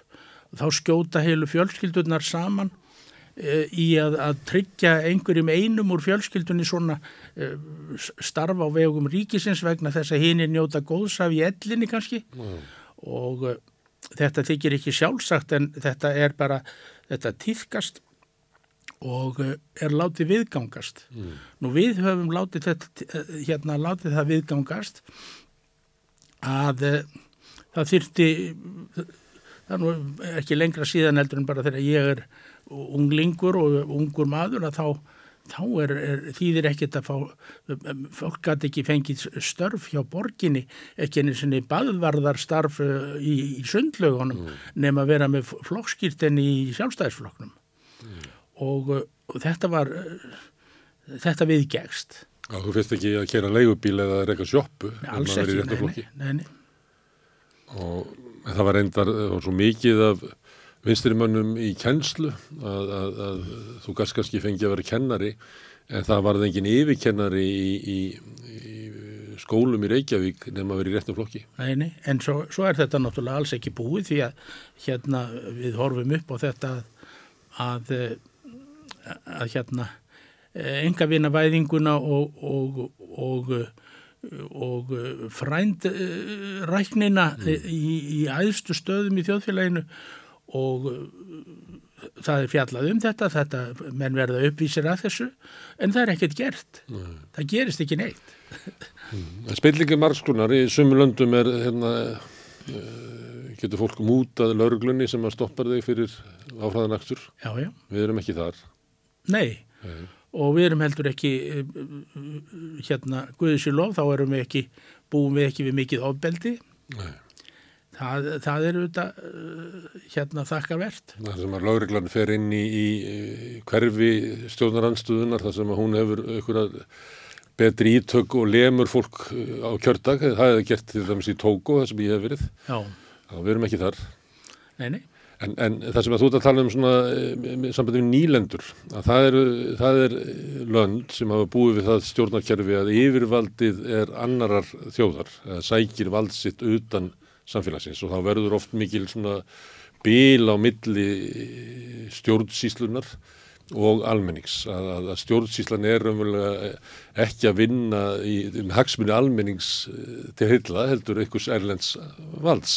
Já, já, en og svo tekur bara innlendavaldi tekur við. Tekur það yfir nýlenduvaldið. tekur yfir hlutverk eh, nýlendugúarana og uh, það sýnist mér jafnvel hérna vera það er afskaplega mikil, mikil virðing borin fyrir háum embættum hér á Íslandi enn á dag í dag. Þannig að við erum með þetta einkenni nýflags og nýlund. Já, við það, en þetta er auðvitað bara tilgáta, það er engin rannsóknir á, á bakvið þetta, Nei. en einhver, það lítur eitthvað að valda því hvað við skerum okkur úr að láta yfir okkur ganga augljóst óréttlæti og, og hérna og spillingu Já. því að það bara gerist hverki annar staðar mm.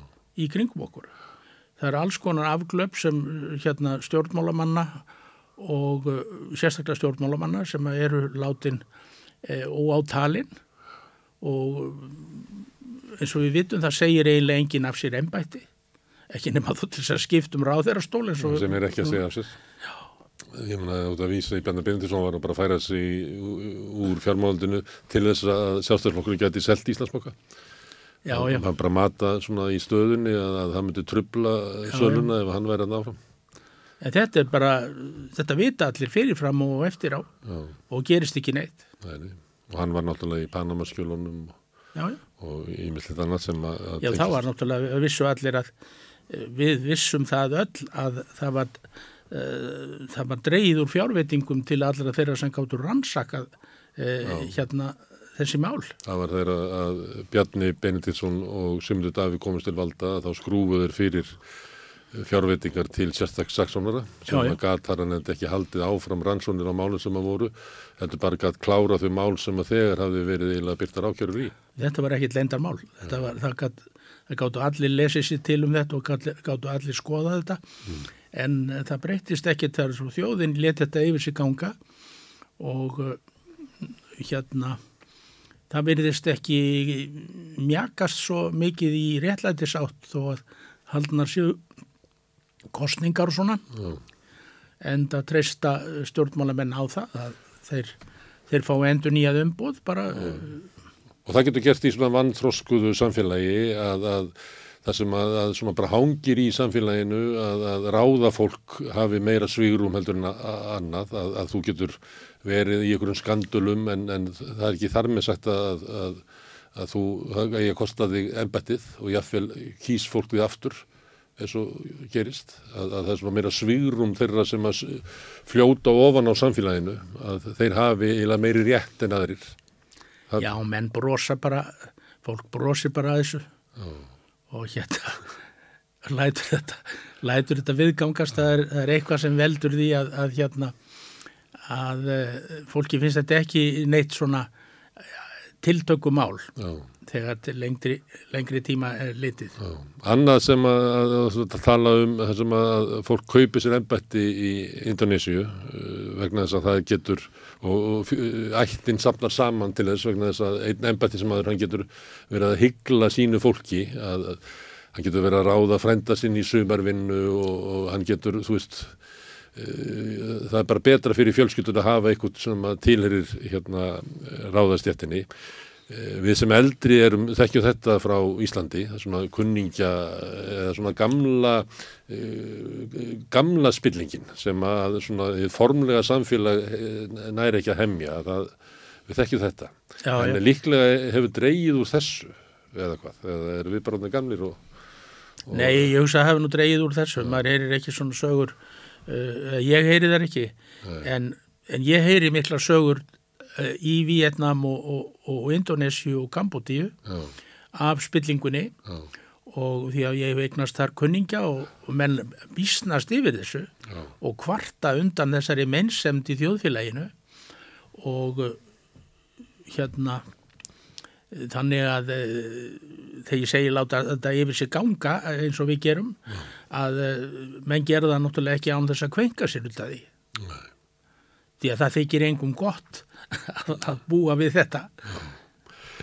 En kolkrabbin er náttúrulega heiti sem hefur verið notað um, um, um afjur og hugmyndin um sko að, að það sé í viðskiptalífunu sé kolkrabbi sem hafa svona skuggastjórn í, í samfélaginu þar sem að ríkisvaldið sé ekki að þjóna hérna, almenningi sem að, að kýs sér hérna, fulltrú á þingi og sem að velur sér ríkistjórn heldur sé ríkisvaldið raunverulega notað til þess að auka og viðhalda völdum hinn að auðu og ríku sem að hafa ítöku viðskiptalífinu og, og þetta þekkjum við og þú veist að vísa til þess hvernig þetta virkaði. En þetta er líka svona enginni á okkar tímum á síðar árum sem er svona, svona, svona óligarkispi þar sem að, að, að auðfólki nær bara völdum í Rúslandi og Úkrænu og stórun hluta Austur-Európu og í sömuleiti er sambarli staða bara á Vesturlöldum það er til dæmis ég ætla að segja vandi að halda því fram að, að bandaríkir séu bara svona ólíkarka ríki þar sem að sko hinn er allra auðustu stjórn, stjórnar, stjórnmála Eh,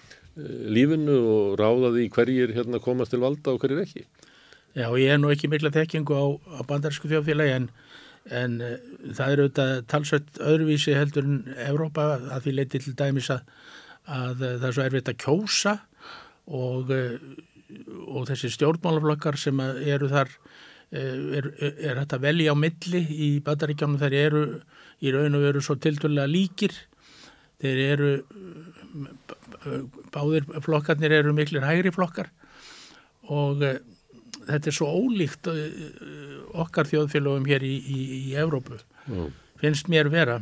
Það er nú ekki mikið eftir að vinstrinu hérna. Ágmundur Jónasson saði nú eins og það verði engi vinstri maður á þingi.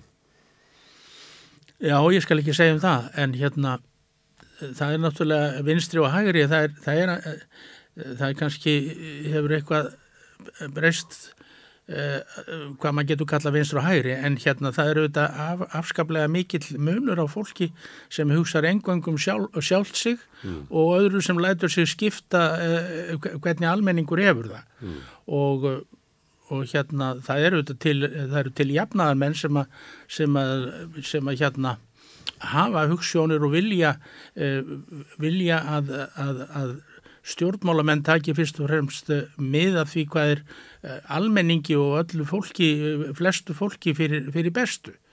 En svo eru aðrir sem að aðeins draga taum þeirra sem eru ríkastir og volduastir mm. og þarna er mjög mikill munur. Mm. Hvort sem við kvöllum það hægri eða vinstri eða kommunista eða sósialista eða, eða íhald að það er, það er, ég gerir mjög mikinn greinarmun á fólki sem að, sem að lætu sig einhverju varða hvernig aðrir hafa það no. og en þetta er kannski við... barnalega til orðatekið en, en þetta er þegar maður, þegar, þegar maður fer honni í kjölinn þá er þetta munurinn á fólki no. og, og, og ég vil meina það að, að hérna, það skipti verulegu máli eh, hvort stjórnmálamenn og ráðamenn finna til með, með, með almenningi í landinu og mér fannst uh, hér í gamla daga því að uh, ég nú orðið svo gamalla að hérna ég var að vinna til dæmis bara á mokkanum þegar ég var rúmlega tvítugur mm. og hérna þó ég hafi kannski verið svona heldur vinstramegin við miðju hérna gegnum tíðina að þá kynntist ég afskaplega góðu fólki og, og vönduðu sem var, voru aðal, aðalmenninir í, í sjálfstæðisfloknum mm. og þetta var fólk sem hefði treyst fyrir lífi sínu mm. og hugsaði raunverulega eitthvað um, um, um aðra en uh, með nýfarjálfsíkjunni og, og því sem á eftir kemur uh, núna undanfarna áratögi þá get ég ekki séð að, að uh, þeir sem að hérna hafa mestu ráðið í þessu landi að þeir hafi hérna látið sig nokkru varða hag almennings. Mm. heldur aðeins verið að vinna fyrir, fyrir pínulítinn hluta af þessu þjóðfélagi þá sem að hafa, hafa mest umleikis af peningum. Og það er þetta er fyrst og fremst peningadýrkun sem hefur, er orðin svo, svo hérna ábyrrandi í, í þessu þjóðfélagi. Mm. og bara, þetta eru bara pleppar.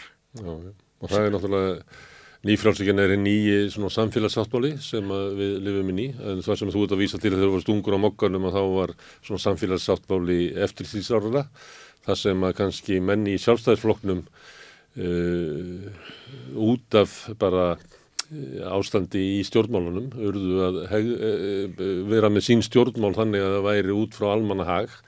Á meðan að við erum kannski inn í nýfrjálfsökju árunum þá erum við með marga flokka sem eru kannski ættaðir vinstra megin en eru ekki með, ekki með það. Þannig að náttúrulega... sjálfstæðisflokkur 1960 væri kannski sko skárri kostur heldur en sko vinstirflokkandi 2010 Ég skal ekki, ég, ég þór ekki að bera slíkt saman en ég vil vekja hérna aðtikla því að, að einhver staðar núna fyrir nokkrum áratögum þá ger breytist uh, rekstur fyrirtækja í landinu mm. þannig að, að stjórnendur fóru allt í eina að bera einungis ábyrð gagvart eigendum fyrirtækjana mm.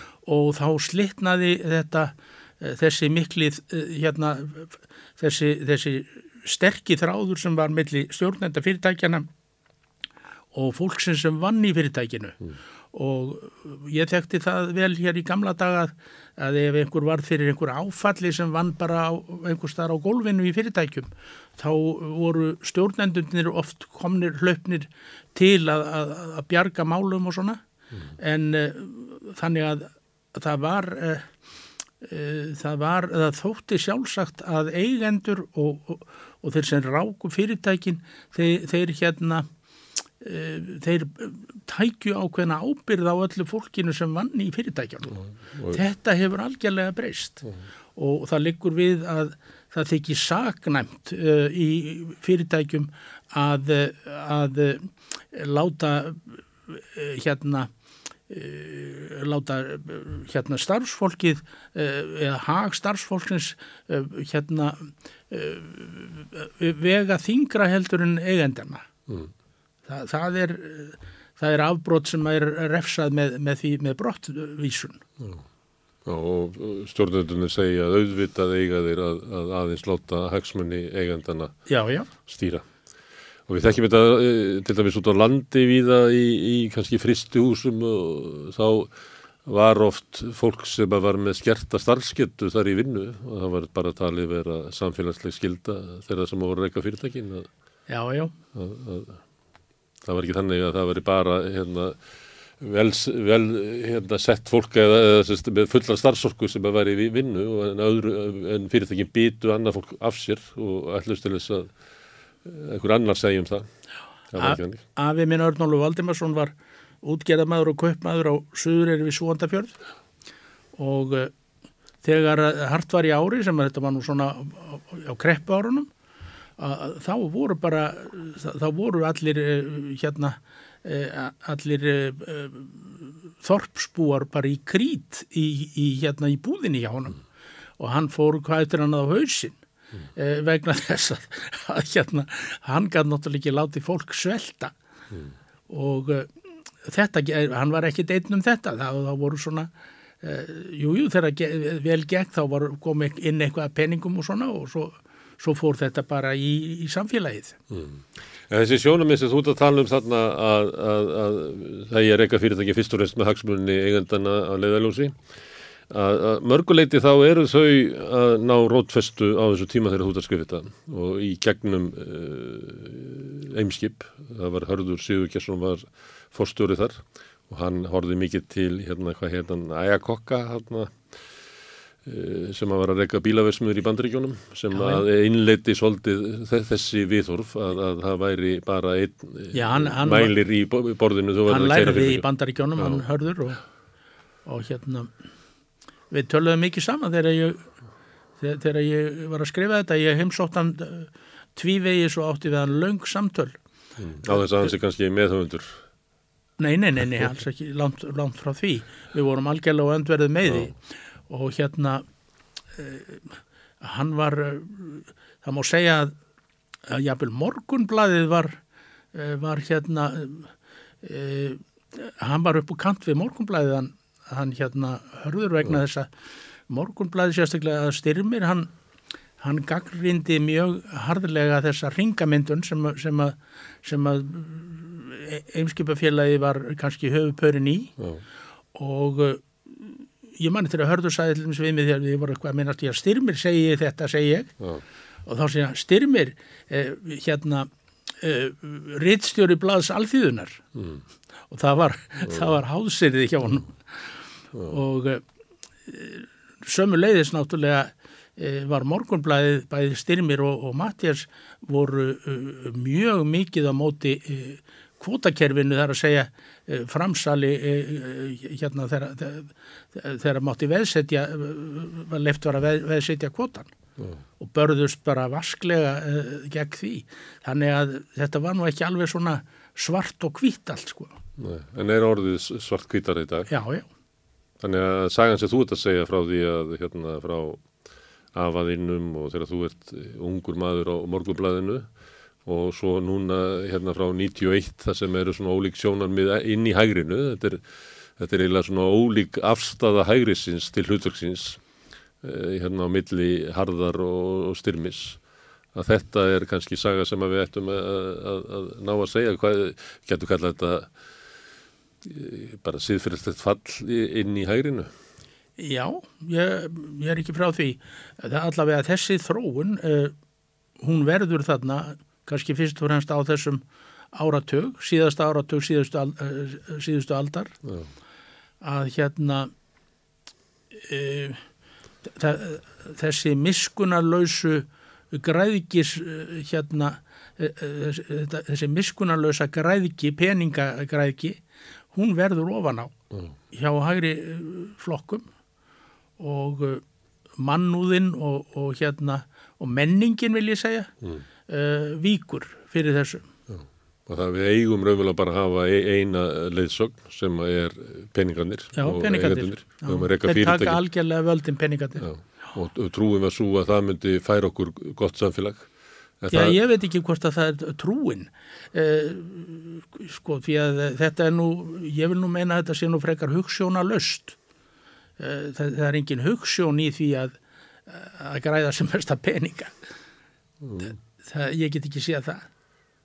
Það er náttúrulega hins vegar er það er trú í þessu því að eh, þessi engavæðingatrú til dæmis e, hún, það, það er það er engin skinsamleg skýring á, á því hvorki hér á landin ég annar staðar að, að það þurfi að enga væða alla hluti, jafnvel heilbriðiskerfið og, og, og hérna og ímislegt sem að þjónar almenningi en það við náttúrulega þá reynslu að þessu, þessari þróun eins og til dæmis með landsíman og svona mm. að það gerist ekkit annað heldur en það að, að hérna að við missum tökin á, á þessum þjónustu fyrirtækjum fyrir okkur og, og þetta verður allt dýrara heldur en var og peningarnir fara í annara manna vasa Já, einhverju ólíkarkar geta selgt inn við til útlanda já, já.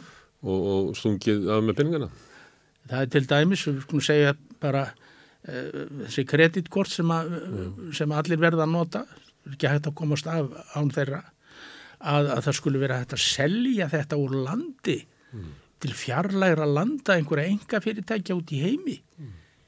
það náttúrulega er alveg fáhirt og við erum orðin háð eh, einhverjum fyrirtækjum í Ísrael og guðum að vita hvar þegar við erum að, að hérna að borga uh, uh, og bara tekja að þau hvað sem þú ferð já En er það ekki samt að, að þetta hafi verið svona selt uh, samfélaginu sem hérna hinn rétta leið að það var sagt svona, já, örnólum ég það má vel vera að, þú teljir að við eigum að vera hér að rekta upp menningu og samfélag og mannúð og eitthvað slíkt en, en það mun bara leiða til ófarnar. Það er það besta sem við gerum er að, að hérna láta sko hagsmunni eigandan að stýra fyrirtækinu því þá verða þau öflugust. Ég og enda á eftir að heyra, heyra einhver rauk fyrir þessum uh, bóðskap. Já, ég, en, þetta, þetta er trúarleg setting. Já, þess vegna segja þetta er trúarlegt vegna þess að það eru engin rauk fyrir nei, þessu. Nei.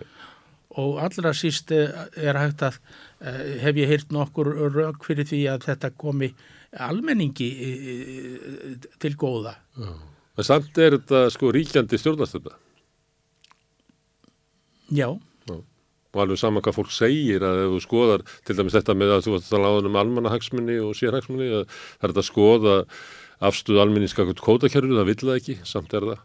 Afstuðu almenningskakvart engaveðingu í heilbriðiskerfinu, það vill það ekki, samt er, er það í gangi. Afstuðu almennings til hvort að selja bankana, almenningu vill það ekki, samt er það seldir. Og við getum bara lappað í gegnum þetta allt saman að það er eiginlega svona, svona megin þættir stjórnarstefnunar breytingu á stjórnarskráni stjórnarskráni, almenningu vil það. Já, já. það færi það ekki.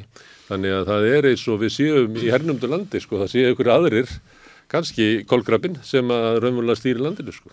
Já, það er einhver eh, hérna, það er allavega ekki almanhagsmenni þegar eh, það nægir ekki þetta að kjósa á fjóra ára fresti til þess að, að, að, að hérna, vilji meiri hluti þjóðarinnar nái fram að ganga, það er Nei. alveg ljóst. Nei og þetta er auðvitað, múið segja kannski agnúi á, á þessu fulltrúa líðræði sem við búum við mm.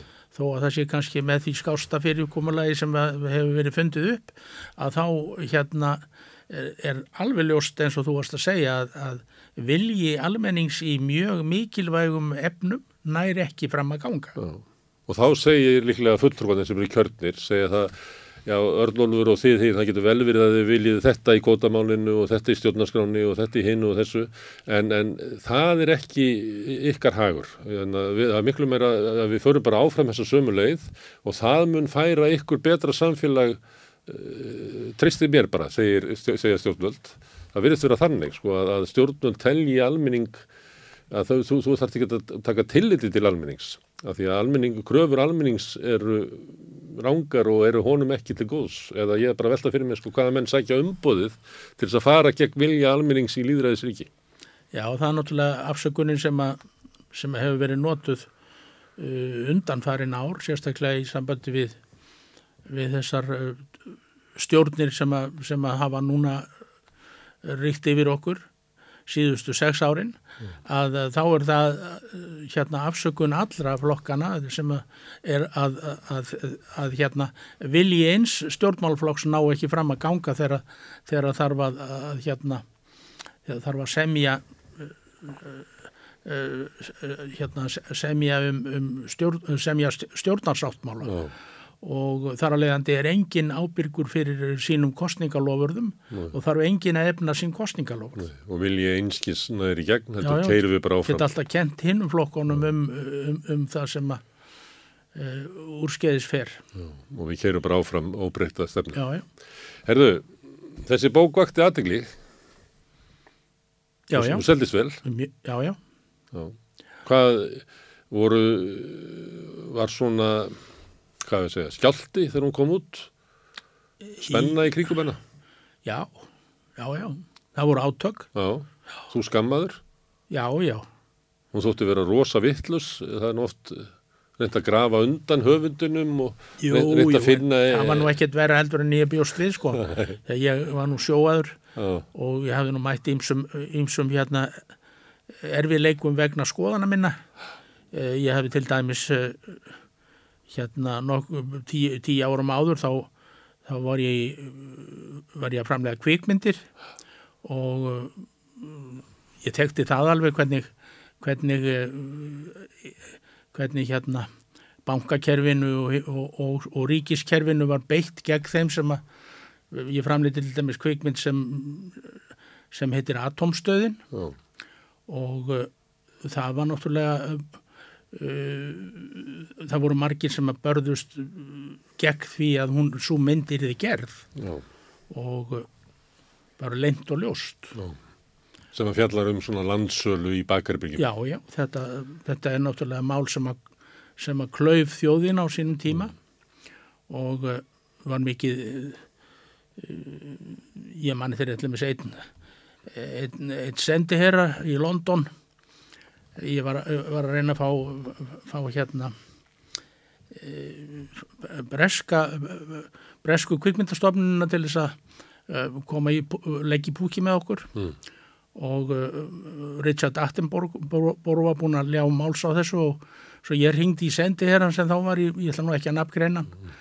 og, reyndi að fá hann til þess að, að bjóði í smá partí með Attenborough og fleirum svona til þess að mý- mýkja þetta allt saman og þá sagði hann við mig Atomstöðin er versta bók sem skrifuð hefur verið á Íslandi Já.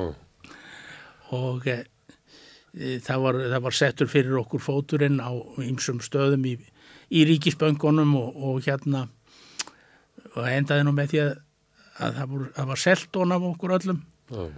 því að hérna það var gengið að okkur sko með við þurftum að, að hérna þurftum að gangas í ábyrð fyrir til þess að geta klára myndina Já.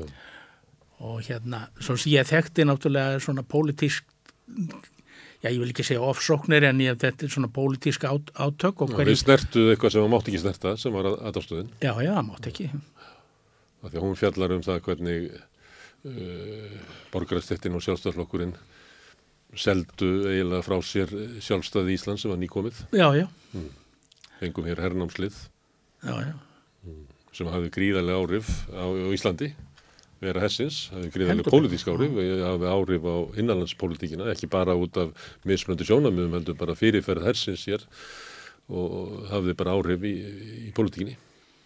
ég þarf náttúrulega e, grassir aðeins nú heldur betur spilling í, í samband við herin já. Og margir sem að koma undir sig efnarslega fótónum á, á braski kringum helin. Já, já, það, það var náttúrulega á, á algjörlega pólitískum grundvelli En uh, svona aðra viðtökur við bókinni.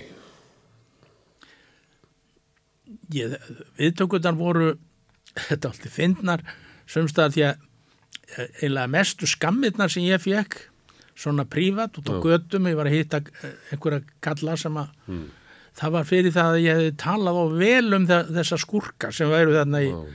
og því að ég hérna ég var ekkit að eh, ég, ég, ég sagði svona kost og löst á, á, á, á mönnum í gegnum þennan sögumann minn. Og þó ég gerði pínliti leti hann gera svolítið grína ímsum þjóðþektum personum þá, þá, þá var líka sumum fólki hælt. Já, og já, þeir voru að skamma mér sumur fyrir það að, að hérna að ég talaði ég, ég talaði of vel um, um hérna ímsa persónu sem koma þarna við sögu. Hérna, það er náttúrulega þessar sögur sem að uh, sem að ég læt nóra þennan sögumann minn segja. Þær eru sko ekki þær eru margar hverjar í raun og veru komnar frá uh, uh, þeim sem eru stjórnarmenn í, í þessum kolkrabba fyrirtækjum ja, þetta er ekki skálsaga, þú lætur ekki, þú semur ekki upp í nóra, heldur hleypur í gegnum öðru sem að þér Já, hafa verið sagt. sögum sem að ég Já. og, og náttúrulega sem að uh, sumt að ég gæti ég náttúrulega sannreint og, og annað ekki eins og gengur. En hérna það var síður en svo að ég, þetta sé, sé allt frá, frá vinstrimönnum eða, slíkt, það, var alls ekki. Það voru, það voru þarna ymsir sem, að- sem að í raun og veru réðut aldrei ferðinni í, í, Og formið að láta nóra segja söguna, þar sem að þú ert, það, þú hefur umvel ekki getu til þess að stunda einhverja svona rannsóknar bladamennsku og, og þraut kann allt saman, en þetta er stór saga sem þú vilt segja frá og það eru sumti svona sem að verður kannski ekki sanna, sumt skiptir máli bara í afstöðu fólks og, og þess vegna hérna lætur hann segja þessa sögu. Já, já, ég er náttúrulega, ég, ég hérna legg náttúrulega mikla áherslu á skemmtigildi. Já, Þannig að ég reyna að, að hérna hafa þessar sögur skemmtilegar já. og hérna annars nennir enginn að lesa svona. Ég fletti hérna upp á, á Indriða Pálssoni sem var hann ekki stjórnaformaður heimskips á þessu tíma. Jú, Þegar ég var í einhverju af þessum blöðum í Kanada þá tókum við viðtal við mann sem að, hafði unnið hjá heimskip já, og hérna vann þar svona bara við ímislegt svona sinna ímsu fyrir forstjórar og stjórnaformannin. Meðan annars var það þannig að, að, að þegar fólk kom niður á skrifstofu að selja hlutabrjöf, svo oft gerðist kannski þegar að, að, var að vera að skipta búi eða, eða arfi eða slíku þá fór fólk og, og þurfti að, að selja hlutabrjöfin eða fólk lendi í fjárhagsvandröðum eitthvað svo leis. En þá vann þessi maður við það að taka á móti fólki og keifti af þeim hlutabrjöfin. ég segi þessa sögu í kolkrapanum, ef þú lest þetta Já, já, þá getur þú lesið þessa sögu Sögu. sem þú ert að segja já, núna já, já, og hérna hann var með hann var með þrjú tekk eftir og, skrifaði bara til skiptis úr þessu, það var Haldur H. Jónsson Indriði já, og, og Hörður já. og, og hérna þeir, hann kefti bara sem sagt svona einn Til skiptis. þriðja Já, hérna, það komi ekki utan með þetta og allt á nafnfyrði Já, og á skömmu tíma þá eignast þessi þrýr menn stóran hluta, Já, já. að við erum bara náða 20% í einskip með þessum hætti. Hörður kom inn bara sem menjulegur bara starfsmæður, átti ekki neitt í félaginu. Nei, Haldur H. Jónsson hann, hann sko hann uh, hann sótt hann inn í fyrirtæki Já, því að hann hefði staðið sér svo vel fannst, uh, fannst, uh, fannst hérna Halldóri þegar að þá va- vann uh, hörður í, í fjármálraðinutinu já, og var svona fulltrú fjármálraðinutisins í því þegar við verið að bræða saman flugfélag Íslands og loftleiðir. Mm. og þá fannst nú mörgum sko hallað á, á loftleiðir. Já, og ég held að það hafi nú verið líka að flugfélag Íslands var áræðanlega ofmetið í þessum í þessu samlægi en loftleið stóðu ítla á þessum tíma og voru skuldugir og þetta var þetta átt að vera svona eins konar björgun. Já, en, veit en, en hérna hörður uh, var það, þótti standa sér svo vel, er að segja Halldóri þótt hann standa sér svo vel að hann sótti hörð og, og gerði hann að forstjóra. Og, og hérna, En þegar hann hætti síðan þá átt hann sko stóra hluti í félaginu sem hann eignaðist með þessum hætti. já, já. sem var náttúrulega bara að hafa fíu af, af almenningi með að kaupa það af undirverði. En En hörður var náttúrulega mjög duglegur maður og, og, og hérna og var ágætur rekstrar maður sko. Jú, jú, en það var ekki ástæð fyrir að hann eignaðist þennan hlut, það nei, þennan hlut með þessum hætti. En þessi maður sem var með hérna ávíslega eftir, hann var í viðtali á okkur og sagði frá þessu. Og þú sagði frá þessu. Já, En samt hefur ekkert verið gert í þessu. Það hefur ekki valla lift upp augabrún. nei, nei, þetta er bara eins og, eins og hvað annað Þetta er bara stórkostlugu þjófnaður sem var í gangi árum saman. Já, já, Ha. já, já En, en og mönnum bara, þannig er þetta bara. Hmm. Já, þetta er eitt af því sem að menn letu yfir sig ganga Ertu sáttu við þetta svona bókina? Hún svo langt síðan þetta var. Já, já, já, ég er nú svo sem hugsa nú ekki mikið um hana Nei, ekki margir sem eh, minnaði á hana svona. Jú, jú, það Jó. er, jú, jú, það er Þetta er sögufræð bók. þetta er sögufræð bók, já, já og hún, hún olli sko, þá nokkur miklu fjadrafóki, ég var í, í viðtölum í útvarpinu og sjónvarpinu eh, fleiri vikur og eftir og, og alls konar eh, hérna maður var í alls konar eh, hérna debatt um þetta. Þeir eh, hérna e, það voru nú náttúrulega einriðarhópurinn er, er farin að láta talsveit til sín taka á, akkurat á þessum tíma. Já, og ég man eftir til dæmis að uh, Hannes og Holmsteini var náttúrulega sigað á mig. Já, og við áttumst eitthvað við á mann ég á stöðu 2 einhver tíma. Já. Og eins í, einhverjum bladagreinum Hann er svona uh, rakki sem er notað til þess að, að, að reka fíu úr túninu ef einhver kemur inn. Já. Það var að sendu svona gjammandi á fólk. já, já, hann saði nú einlega, hann saði nú bara við mig sko einhver tíma þegar við hittumst og, og fengum okkur eitt bjór saman eða eitthvað mm. að þá sagðan sko ég hef bara það prinsip að ef einhver uh, hallar orði eða ræðst á á hérna Davíð Oddsson mm. þá ræðst ég á hann. Já, já. þetta var nú svona ásköp einfald það verður svona rakki eða snati. Já, ég veit ekki, ég vil ekki kalla það. En hérna hann var að mista kusti hreitn og beitn í þessu. Herðu, gaman að fá þig yngar að rifja upp þessa bók sem að, að við erum ennþá glíma við uh, megin efni hennar sem að eru svona leind ítök viðskiptalífsins og valdablokka þar yfir samfélaginu sem hefur tekist í krafti auðs að sveia ríkisvaldir svolítið undir sig og þjóna sér. Já, ástandi hefur ekki batnað síðan ég skrifaði þessa bók. Nei.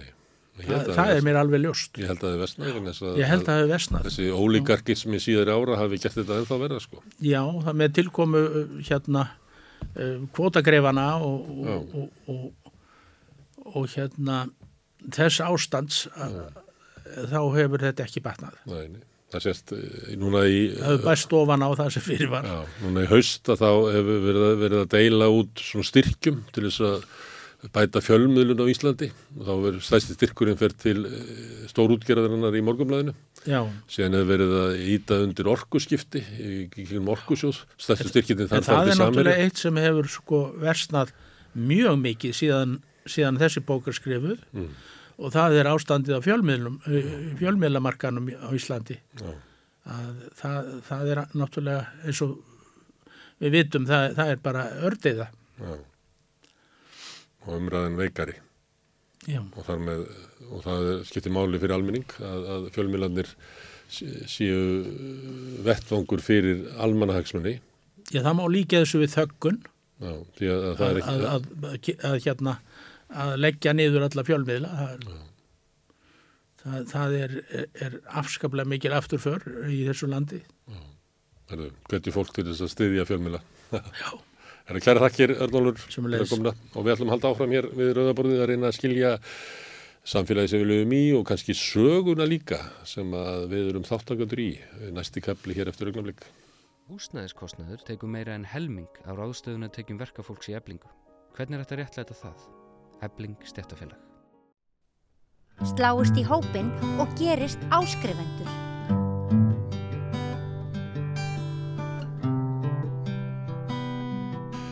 Það er eina af þeim bókum sem er að koma út núna fyrir jólinn er bókin Visslumadur landnámsaldar. Þetta er uppskutta bók sem að maður geti kannski rekna með að hefði verið upp í hillu hjá landnámsmönnum en var það ekki.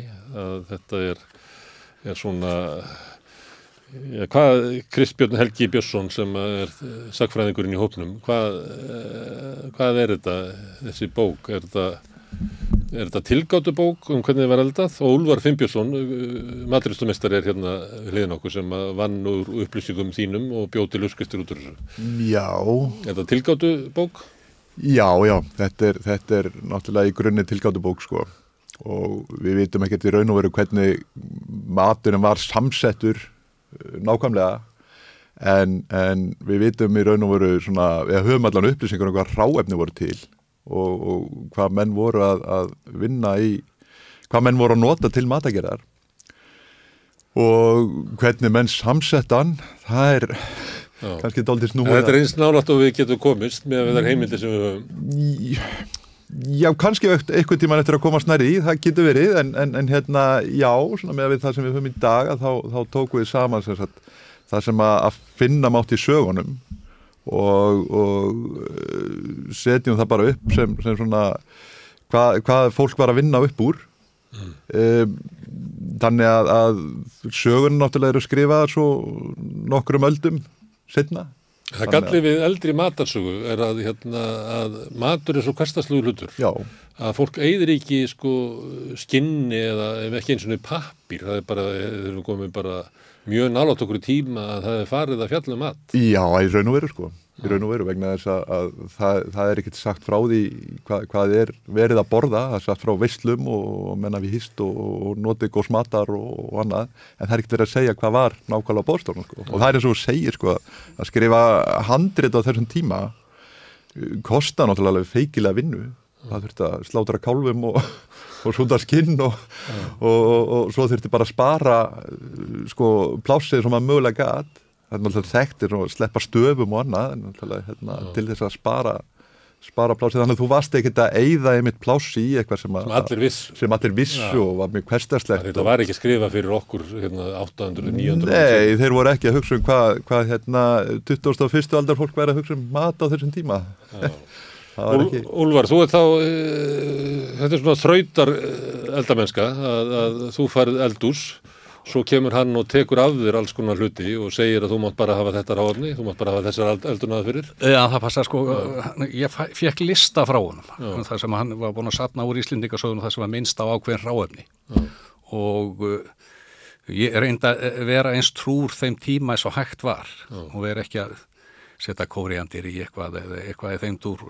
Ég notaði náttúrulega íslenska júrti svolítið Ekki kriðakritið þó. Nei, lítið um það og hérna, já bara uh, leita mér upplýsingar hjá forlega fræðingum bæði hér og út í Skandinavíu. Og, og það, hérna ég segja nú ekki að bókin hafi verið unnið upp úr kömrum en að finna kamar frá þessum tíma er mjög spennandi, þá vitaði hvað já, hvaða fræði voru að borða á annað. Og, í hérna í Svíþjóð funduður eitt frá því 960 og þar voru sko bygg, umfeðmingur og eitthvað eitt annað.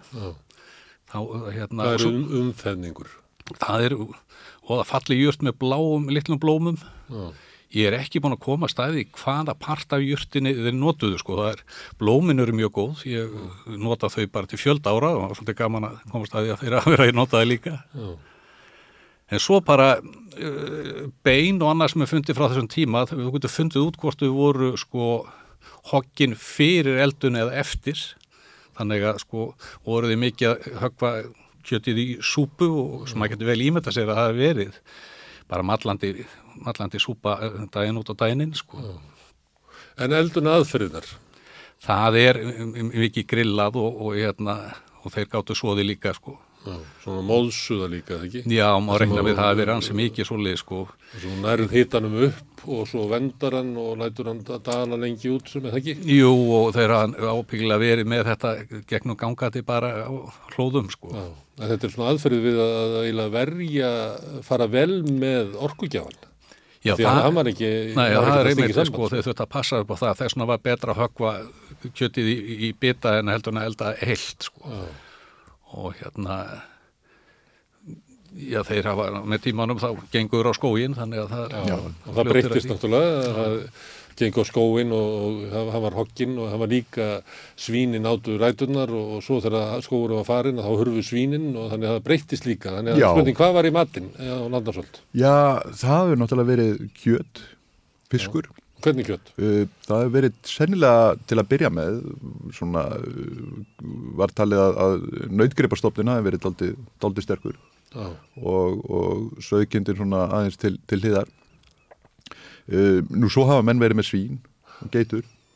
Og það er svona sennilega hefur þetta verið bara ekkit í raun og veru svona sami matur og verum að borða í dag þar segja bara nautakjött og Já, byggla meiri villibráð líka og villibráð hefur verið, fugglar hafa verið vittir og, og hérna Svo rýður þetta sjávar og, og vittu fisk og, fisk og í vötnum og ám. Já, já, já og hérna náttúrulega náð gæsum og allt um í sárum, fugglum í sárum. Hlaupið þá uppi og Og mikið... Tóku menn þá gæsirnar og vangstíðuðar og fluttu það til byggða til þess að geta borðaði ferskar sinna eða, eða drápu með þar og sölduðu eða? Ég hef ekki, ekki bara gert bæði, ég get trúa því sko. Það er hérna... Frækti Grettisúðu þegar að, já svona einn ein frægasta svona senan þar þegar það er með Grettir drefur alla fugglarna sko, já, fyrir pappar sínum. Já. Og hérna... Þannig að það hefur verið fugglar í, í? Já, það voru það alveg fugglar sko, já. sem að, að voru voru vangstíður og, og hafðir í bænum sko. mm. og svo hafði mann líka farið til, til fjalla og vitt Það þarf ekki að hafa verið sko alifuglar því að, að, að með fóru og sóttu það og vangstíðu og vangstíðu, já, já, já Þetta já, var bara leiðið til að geima kjöt. Það er ekkert fest kjöt þegar það komið fram í, í að jólum. Nei, svo er það Þess vegna er gæsin oft jólamatur til dæmis á norrlæðingstofum Svo er þetta mikið sko, geim, geimslu aðferðir þið þurkuðu mikið kjöt og og, og náttúrulega fisk og allan fisk Já. og það var skreið og, og það var svolítið gaman að hérna þegar ég gerði hérna einhverju rétti úr skreið að ég gæti hverki leitað mér upplýsinga hérna á Íslandi, hvað gerir maður skreið? Það vissi það enginn en ég talaði fjölskyldur sem eru bara fjórir ætlir búin að flytja út skreið og þau vissi ekki ennþá hvað það átt að gera við hana. Þannig ég þurfti að hafa upp á fólki frá Nýgiríu til þess að hjálpa mér. Og þetta er bara herramanns matur. Já, ég hef borðað skreið í Tókó og, og Ghana. Já, já, já. Þetta er bara, þetta er bara eins og, ég menna, bara að leiða og byrja að hugsa um þetta, þá virkar þetta. Þú bara tekur vöggvan úr þessu, svo setur þetta inn í og hann drekkur í sig annan vöggva og þetta var bara, þetta, þetta er bara mjög snjöll leið til Mjög snjöll leið, já, einmitt og, og líka til að flytja hana og, og, og gera hana vestlunumveru. Það er bara alveg kjörin aðferð til að, að flytja, flytja fiskin á þennan há. Já, já. Mm. Það hér raunveru, þá, þá verður hann bara hálpartin feskur aftur þegar maður setur hann og eldur hann, sko. En græmiti? Já, græmiti hafa þeir eitthvað haft og til dæmis talað um lauka. Laukar koma nokkuð við sögu. Nýpur? Já, að, að það má finna heimildur en þetta en, en sko ræktun kemur nú sennilega ekki með fyrir en, fyrir en kristni.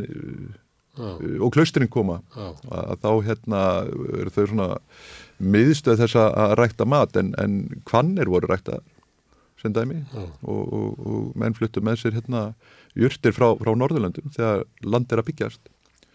Og, og hvannin sennilega svona þekktasta dæmið um það Hún var náttúrulega lækningaurt. Hún var lækningaurt og líka, líka maturjurt. Og lækningin var náttúrulega besta leiðin til þess að koma ofan í sér livjum en náttúrulega bara borðaðu. Í raun og veru. Í raun og veru. Já, já, og, og hún er þekkt sko. Þurfu epli. Nú, já, það er hérna. Flutt inn. Já, vill epli. Þetta er, en eins og með kvönnina sko, að, að þetta er alveg fram á, á okkar tíma sem menn er enna að trúa á lækningamátt. Kvannarinnar ég var nú bara með hérna mann bara um daginn sem var að benda á, á lækningamáttin og hefði rannsónið sínt það að þegar það var verið að greina lúbíu seiðið að þá var það að virka efnið í því var kvönnin sko. Af því að hann bætti hérna kvönn með lúbínum þannig að, að, að menn hafa ennþá trú á lækningamætti kvannarinn Já, eftir allan hennar tíma. Já. En svo voru viltur eins og fjallagröss já, já, já, já, sveppir og söl og hérna já. blóðberg og það er ymsa tegundir sem hafa verið nýttar sko. Já. En e, með klaustrónum þá koma meir í ræktun á svona kryddjurtum eins og við myndum kannski skilja það. En er auðvitað verið að rækta hérna lækninga. Það er trúað á lækninga. Menn er ekki að setja þetta þannig með til þess að bæta bragðið nema að svona halvuleiti að einhver leiti er hugmyndun um að, að búa til svona réttu samsetningun eða hvernig, hvernig sáum við þetta fyrir sér? Ég mennir samt alltaf að sko krydd er náttúrulega rosalega verðmætt vestlun að vara langt aftur í aldir. Og þegar maður fór svona að hugsa um þetta þá, þá er þetta aldrei e, þannig bara eins og í dag að, að þú ert aldrei að, og hefur vantilega þessum tíma líka verið að elda bræðið það er rosalega gott að, að gera þessi dagamun og fá góðan, góðan mat. Mm. sérstaklega heldur visslur og annað að svona gert meira úr því. Hverstagsmaturinn hefur kannski ekki verið svona jafn mikilvægur upp á þetta að gera hann kannski verið, verið bara daldi rútínubundir veintilega gröytar og, og eitthvað skona seiði. Skýr. skýr og eins og skýri við, við vitum í raun og veru ekki almenlega hvernig skýr var samsett á þessum tíma. Menn gáttu í sömu sögum satt að menn hafi drukki skýri um, þá hefur það einhvern veginn verið það þund að, að það hefur bara verið drekkanlegt. Um, í dag, ef þú gerir skýr í dag þá er það náttúrulega daldið þygt, þú drekkur það ekki en, en hérna kannski að verið til mismönd útgáður af skýri. Skýri er raun og veru gert alveg eins í dag eins og var gert þá Ekki í, versmíðurum? Nei, ekki í versmíðurum, svona í grunni, minnst að það er hægt að kaupa skýru í dag, það er búið að svindla svo mikið á okkur. Það er búið að svindla svo mikið. Það er tími ekki að missa misun út úr þessu, þannig að þetta er eiginlega svona misu hlaup, einhver leiti. Svo osturinn, hann, hérna, Já, osturinn er bara geimsla að ferða mjölk, sko, í raun og veru. Þetta vinna mjölkur mat, eins og sagt var, og hérna, ull í fatt,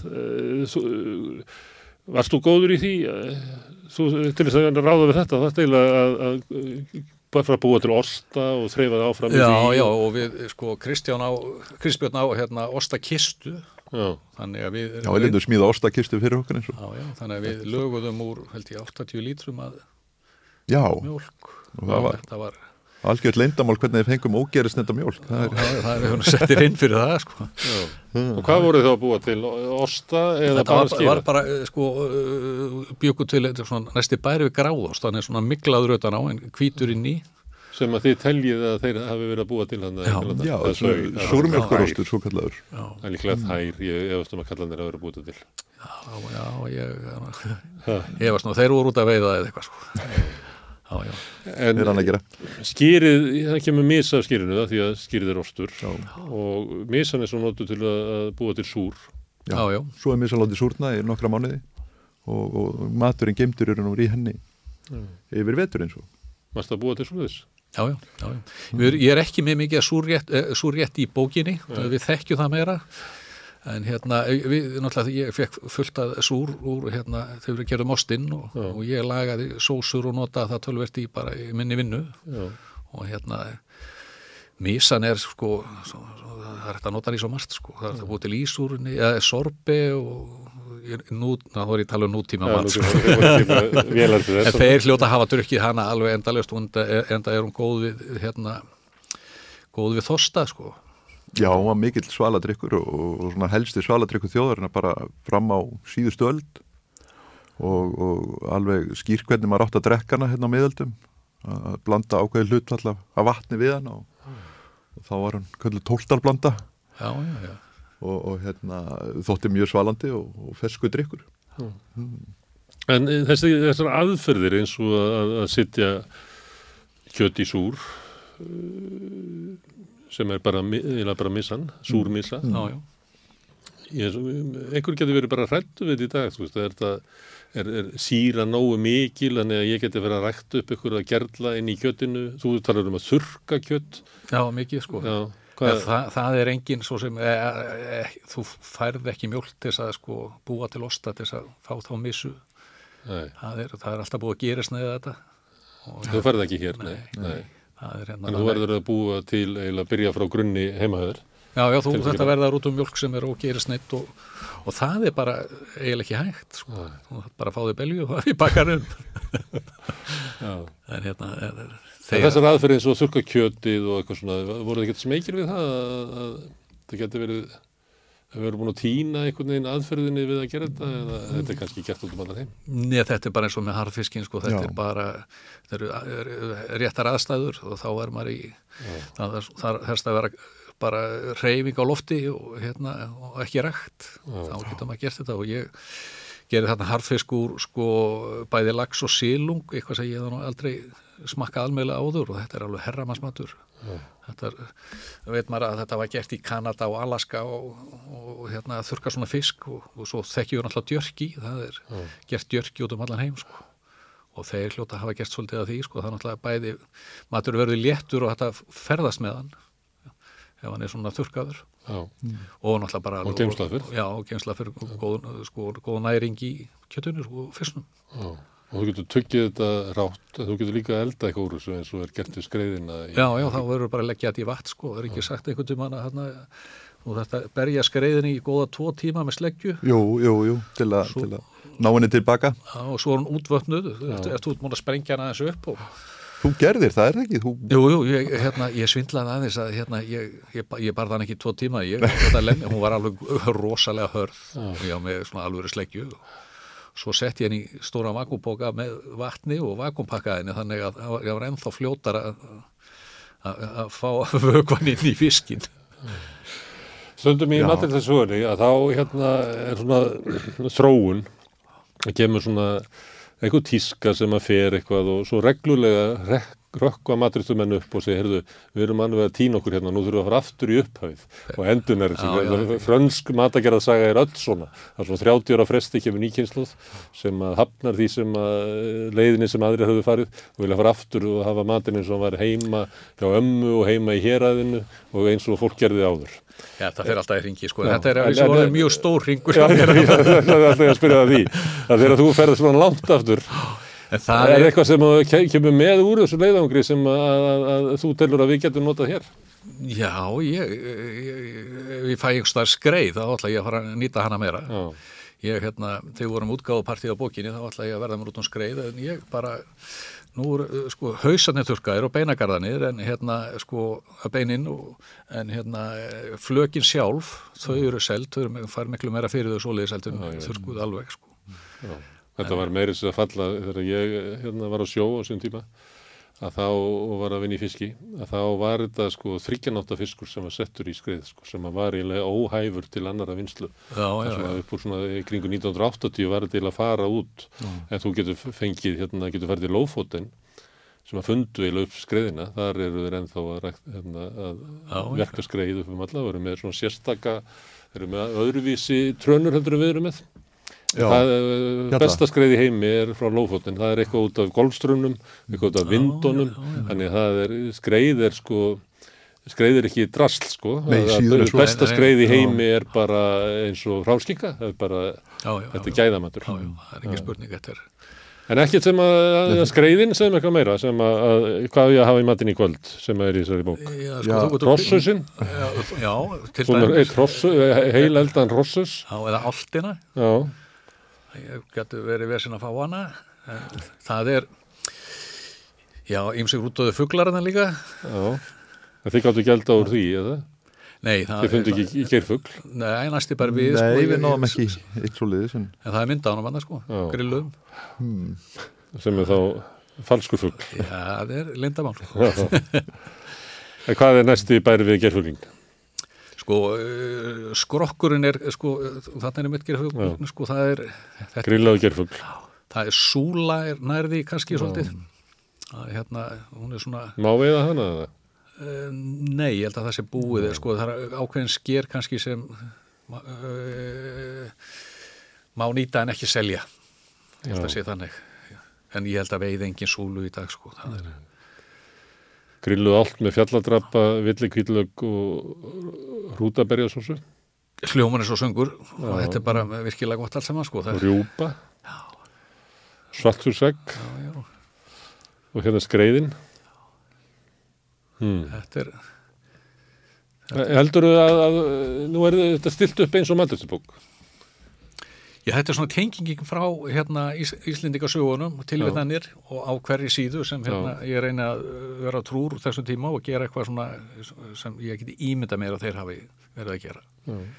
Þetta er, þetta er sagfræðileg stúdía um hvað hérna var borðað á landarsöld. já, já, svona í grunninn þá, þá gengur þetta það Innsægi maturinsumestarins við að endurgera það, en sett upp eins og maturinsubók sem er yfirleitt sko til notkunar.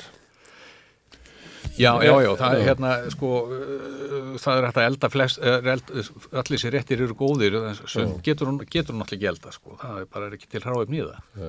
En hérna, það var margt þarna sem ko- kom okkur óvart og var gaman og hérna, en sko, maturslubækur í dag eru, ég, einhvern veginn að herði að væri 15% sem þú notar og þú kaupiði maturslubók, það er ekki mikið að hérna, þetta er svona, þú, þetta er, þú ert að lesa af háhugmyndir og, og svo leiðis og svo.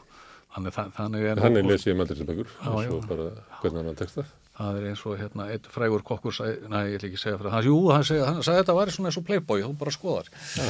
Já, já. Já. En hérna var þetta hotlumendur?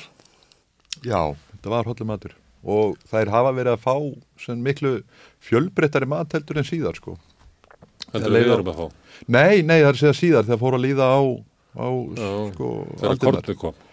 Já, og þegar mjólkin fór að vera svona aðalmaturinn síðar og þetta sést aldrei bara að, menn hafi verið sko, ef maður finnur uh, mannvistaleifar eða bara finnur, finnur uh, uh, bara látin viking Já, að þá er hann ekkert sérlega lítill sko. Hann, hann er svo sem alveg í kringum. Ég held að meðalhafa þess tíma hefur kringum 1,70 og, og 1,65 já. sem er nú ekkert endilega svo lítið sko, sem sýnir að fólk hefur verið að fá alveg ágætilega fjölbreytta fæðu. Já, þetta er ekki, það er ekki satt sem Ólafur Gunnarsson Rítvöndu sagði eins og niður, hann sagði að ég er hálfum haus starri en pappi minn og pappi mi- var hálfum haus starri en afi þannig ég reikna með að hérna, landnámsmenn hafi bara verið fet á hæð og, og þessum hafi þeir upplifað að landi var í skói vaksið Já, frá fjallinu. og er til svo stórt Já, og og hérna- verið Ríkja með birkitrið verið skóður Já, Það er það, það er síðar sem að við förum að, förum að minka þegar að, að fæðuframbóði fer að vera takmarkara Já. og við förum að, að neyta svona miklu einhafari fæðu. En þarna hafa þær örgulega fengið nokkuð fjölbreytta fæðu, svona flestum fæðu og nýtt hana vel, þeir hafa ekki hent örðu af dýrunu það er öll, öll fytan og allt og allt svo þá verður að hafa uppskiptur á heilum og, og þindum og... já, já, þeir já þeir, sko ég er nú ekki með heila í Nei. bókinni en þeir hafa nýttið allt saman sko, frá, bara, frá tríni að, að hala Já, já, engi spurning og, og allt sóð þeir hafa drukkið það all fita sem er á sóðunu sem er náttúrulega mikið eh, atriði að gera Mik mikið næringi fytunni sko. og, borða merkin að, Já, já, þeir hafa brótið beinið þess sko. Til hérna kenningar um það að eftir að, að þess að bandarækjaman taka beinin alltaf frá sko, selja alltaf kjöti sko úr beinað og svona, að þetta hafi sko skada hilsu manna, að við þurfum á, á mergnum að halda, þess vegna er þetta hænsna súpur oft álitið að vera góðar fyrir flensu, af því þá síður sko beinin með, já, já, já. það er eiginlega í öllum menningum með talið að sko hænsna súpa sé góð fyrir flensu, mm, þannig að En ég man eftir einu sinni að ég las einhverja e, grein þar sem að þessi samaburður á hotlustu íslenskra fæðu og ég held að það hefði verið tekið svona, hvort það var svona 1400 eða 1500 mm. þegar að sko kornbildingin er komin yfir Evrópu, þegar mm. menn eru búin að læra að riðja skóa og, og eru byrjað að rækta korn og sem hefur gríðarlega áhrif á mat að, að, að það var ekki komin til Íslands sko. Þá hérna, voru Íslandingar heilum haus herri heldur en Evrópubúar að meðatali. Já, já. Þá voru við ennþá í fornamatnum en, en svona kornbildingin og, og komin til Evrópu. Já. Já, ég held að svona upp úr, ég veit nú ekki alveg nákvæmlega, en svona upp úr 1500 Já. förum við að, að, að minga og, og við sjáum þetta oft bara svona í, og, og alveg í raun og veru fram til 1900 eru bara frekar smávaksinn og, og lítil. Og ég sé nú ofta að tolkinn hafi notað Íslendika sem fyrirmynd sko hérna miðaldarhandritum þegar hann er að gera hobbita hér aðeins að hérna, þetta má bara sjá á, á hæð, hæð hérna torbæja á, á, á dyrum og, og rúmum og annað. Rúmunum þegar maður fer í þjóðminnarsafn Já, og bara... maður hér heldur alltaf að fólk hafi sofa í nýbri sko, en, en fólk var bara ekkert stærra held ég. Að það bara passaði ákveðlega í þessi rúm á, á sínu tíma sko. Svo kom kókopössuð og þá kom kókopösskilstuðin sem er bara hel mikið stærri við. Og þá rökum við upp aftur sko. rökum við aftur. Já, já, já. En þá, einmitt, fer þessi fjölbreytn úr fæðinni daldið og, og, og sínir að vikingarnir hafa og, og landnámsmenn hafa haft í raun og verið daldið, daldið gott fæðúról. Já, ah. já. Og Íslands náttúra er, er gjöfur. Já. Þú er náttúrulega búin að vera því lengur og hóst í þetta að, að, að búa til mat út úr bara því sem er í bóði hér. Já, ég er búin að skriða, skriða hérna uppur og niður og týna júrstir og svo náttúrulega bara í veiðin líka, sko. Já allt sem er vilt. Já, já, já. Þetta, er, er, þetta er alveg góðsennlandi það. Já, og egginn og fiskurinn og, og, og þarinn það var fylgdið þessari kenningu um akkur að hérna, Íslandikar hafi verið svona stórir á þessu tíma mm. af því að það var ekki til neitt gremmiti eða neitt og þá var það sagt sko að sölinn og fjallagrössin að það hafi eiginlega verið nóg að það hafi verið svo ríku þáttur í matnum að það hafi verið bætt upp hérna, skortin á, á, á, á gremmiti og hóstum Já, þá menna að vera að fá þetta úr, úr bara náttúrunni, þessi, þessi grundvallar uh, grunnnæringarefni. Mm. að þetta er volað að gjöfa land upp á, upp á Já, já, og svo náttúrulega berinn á sömurinn Já, mm. Það mest er þetta svona hálfgeitt kettó eða ekki?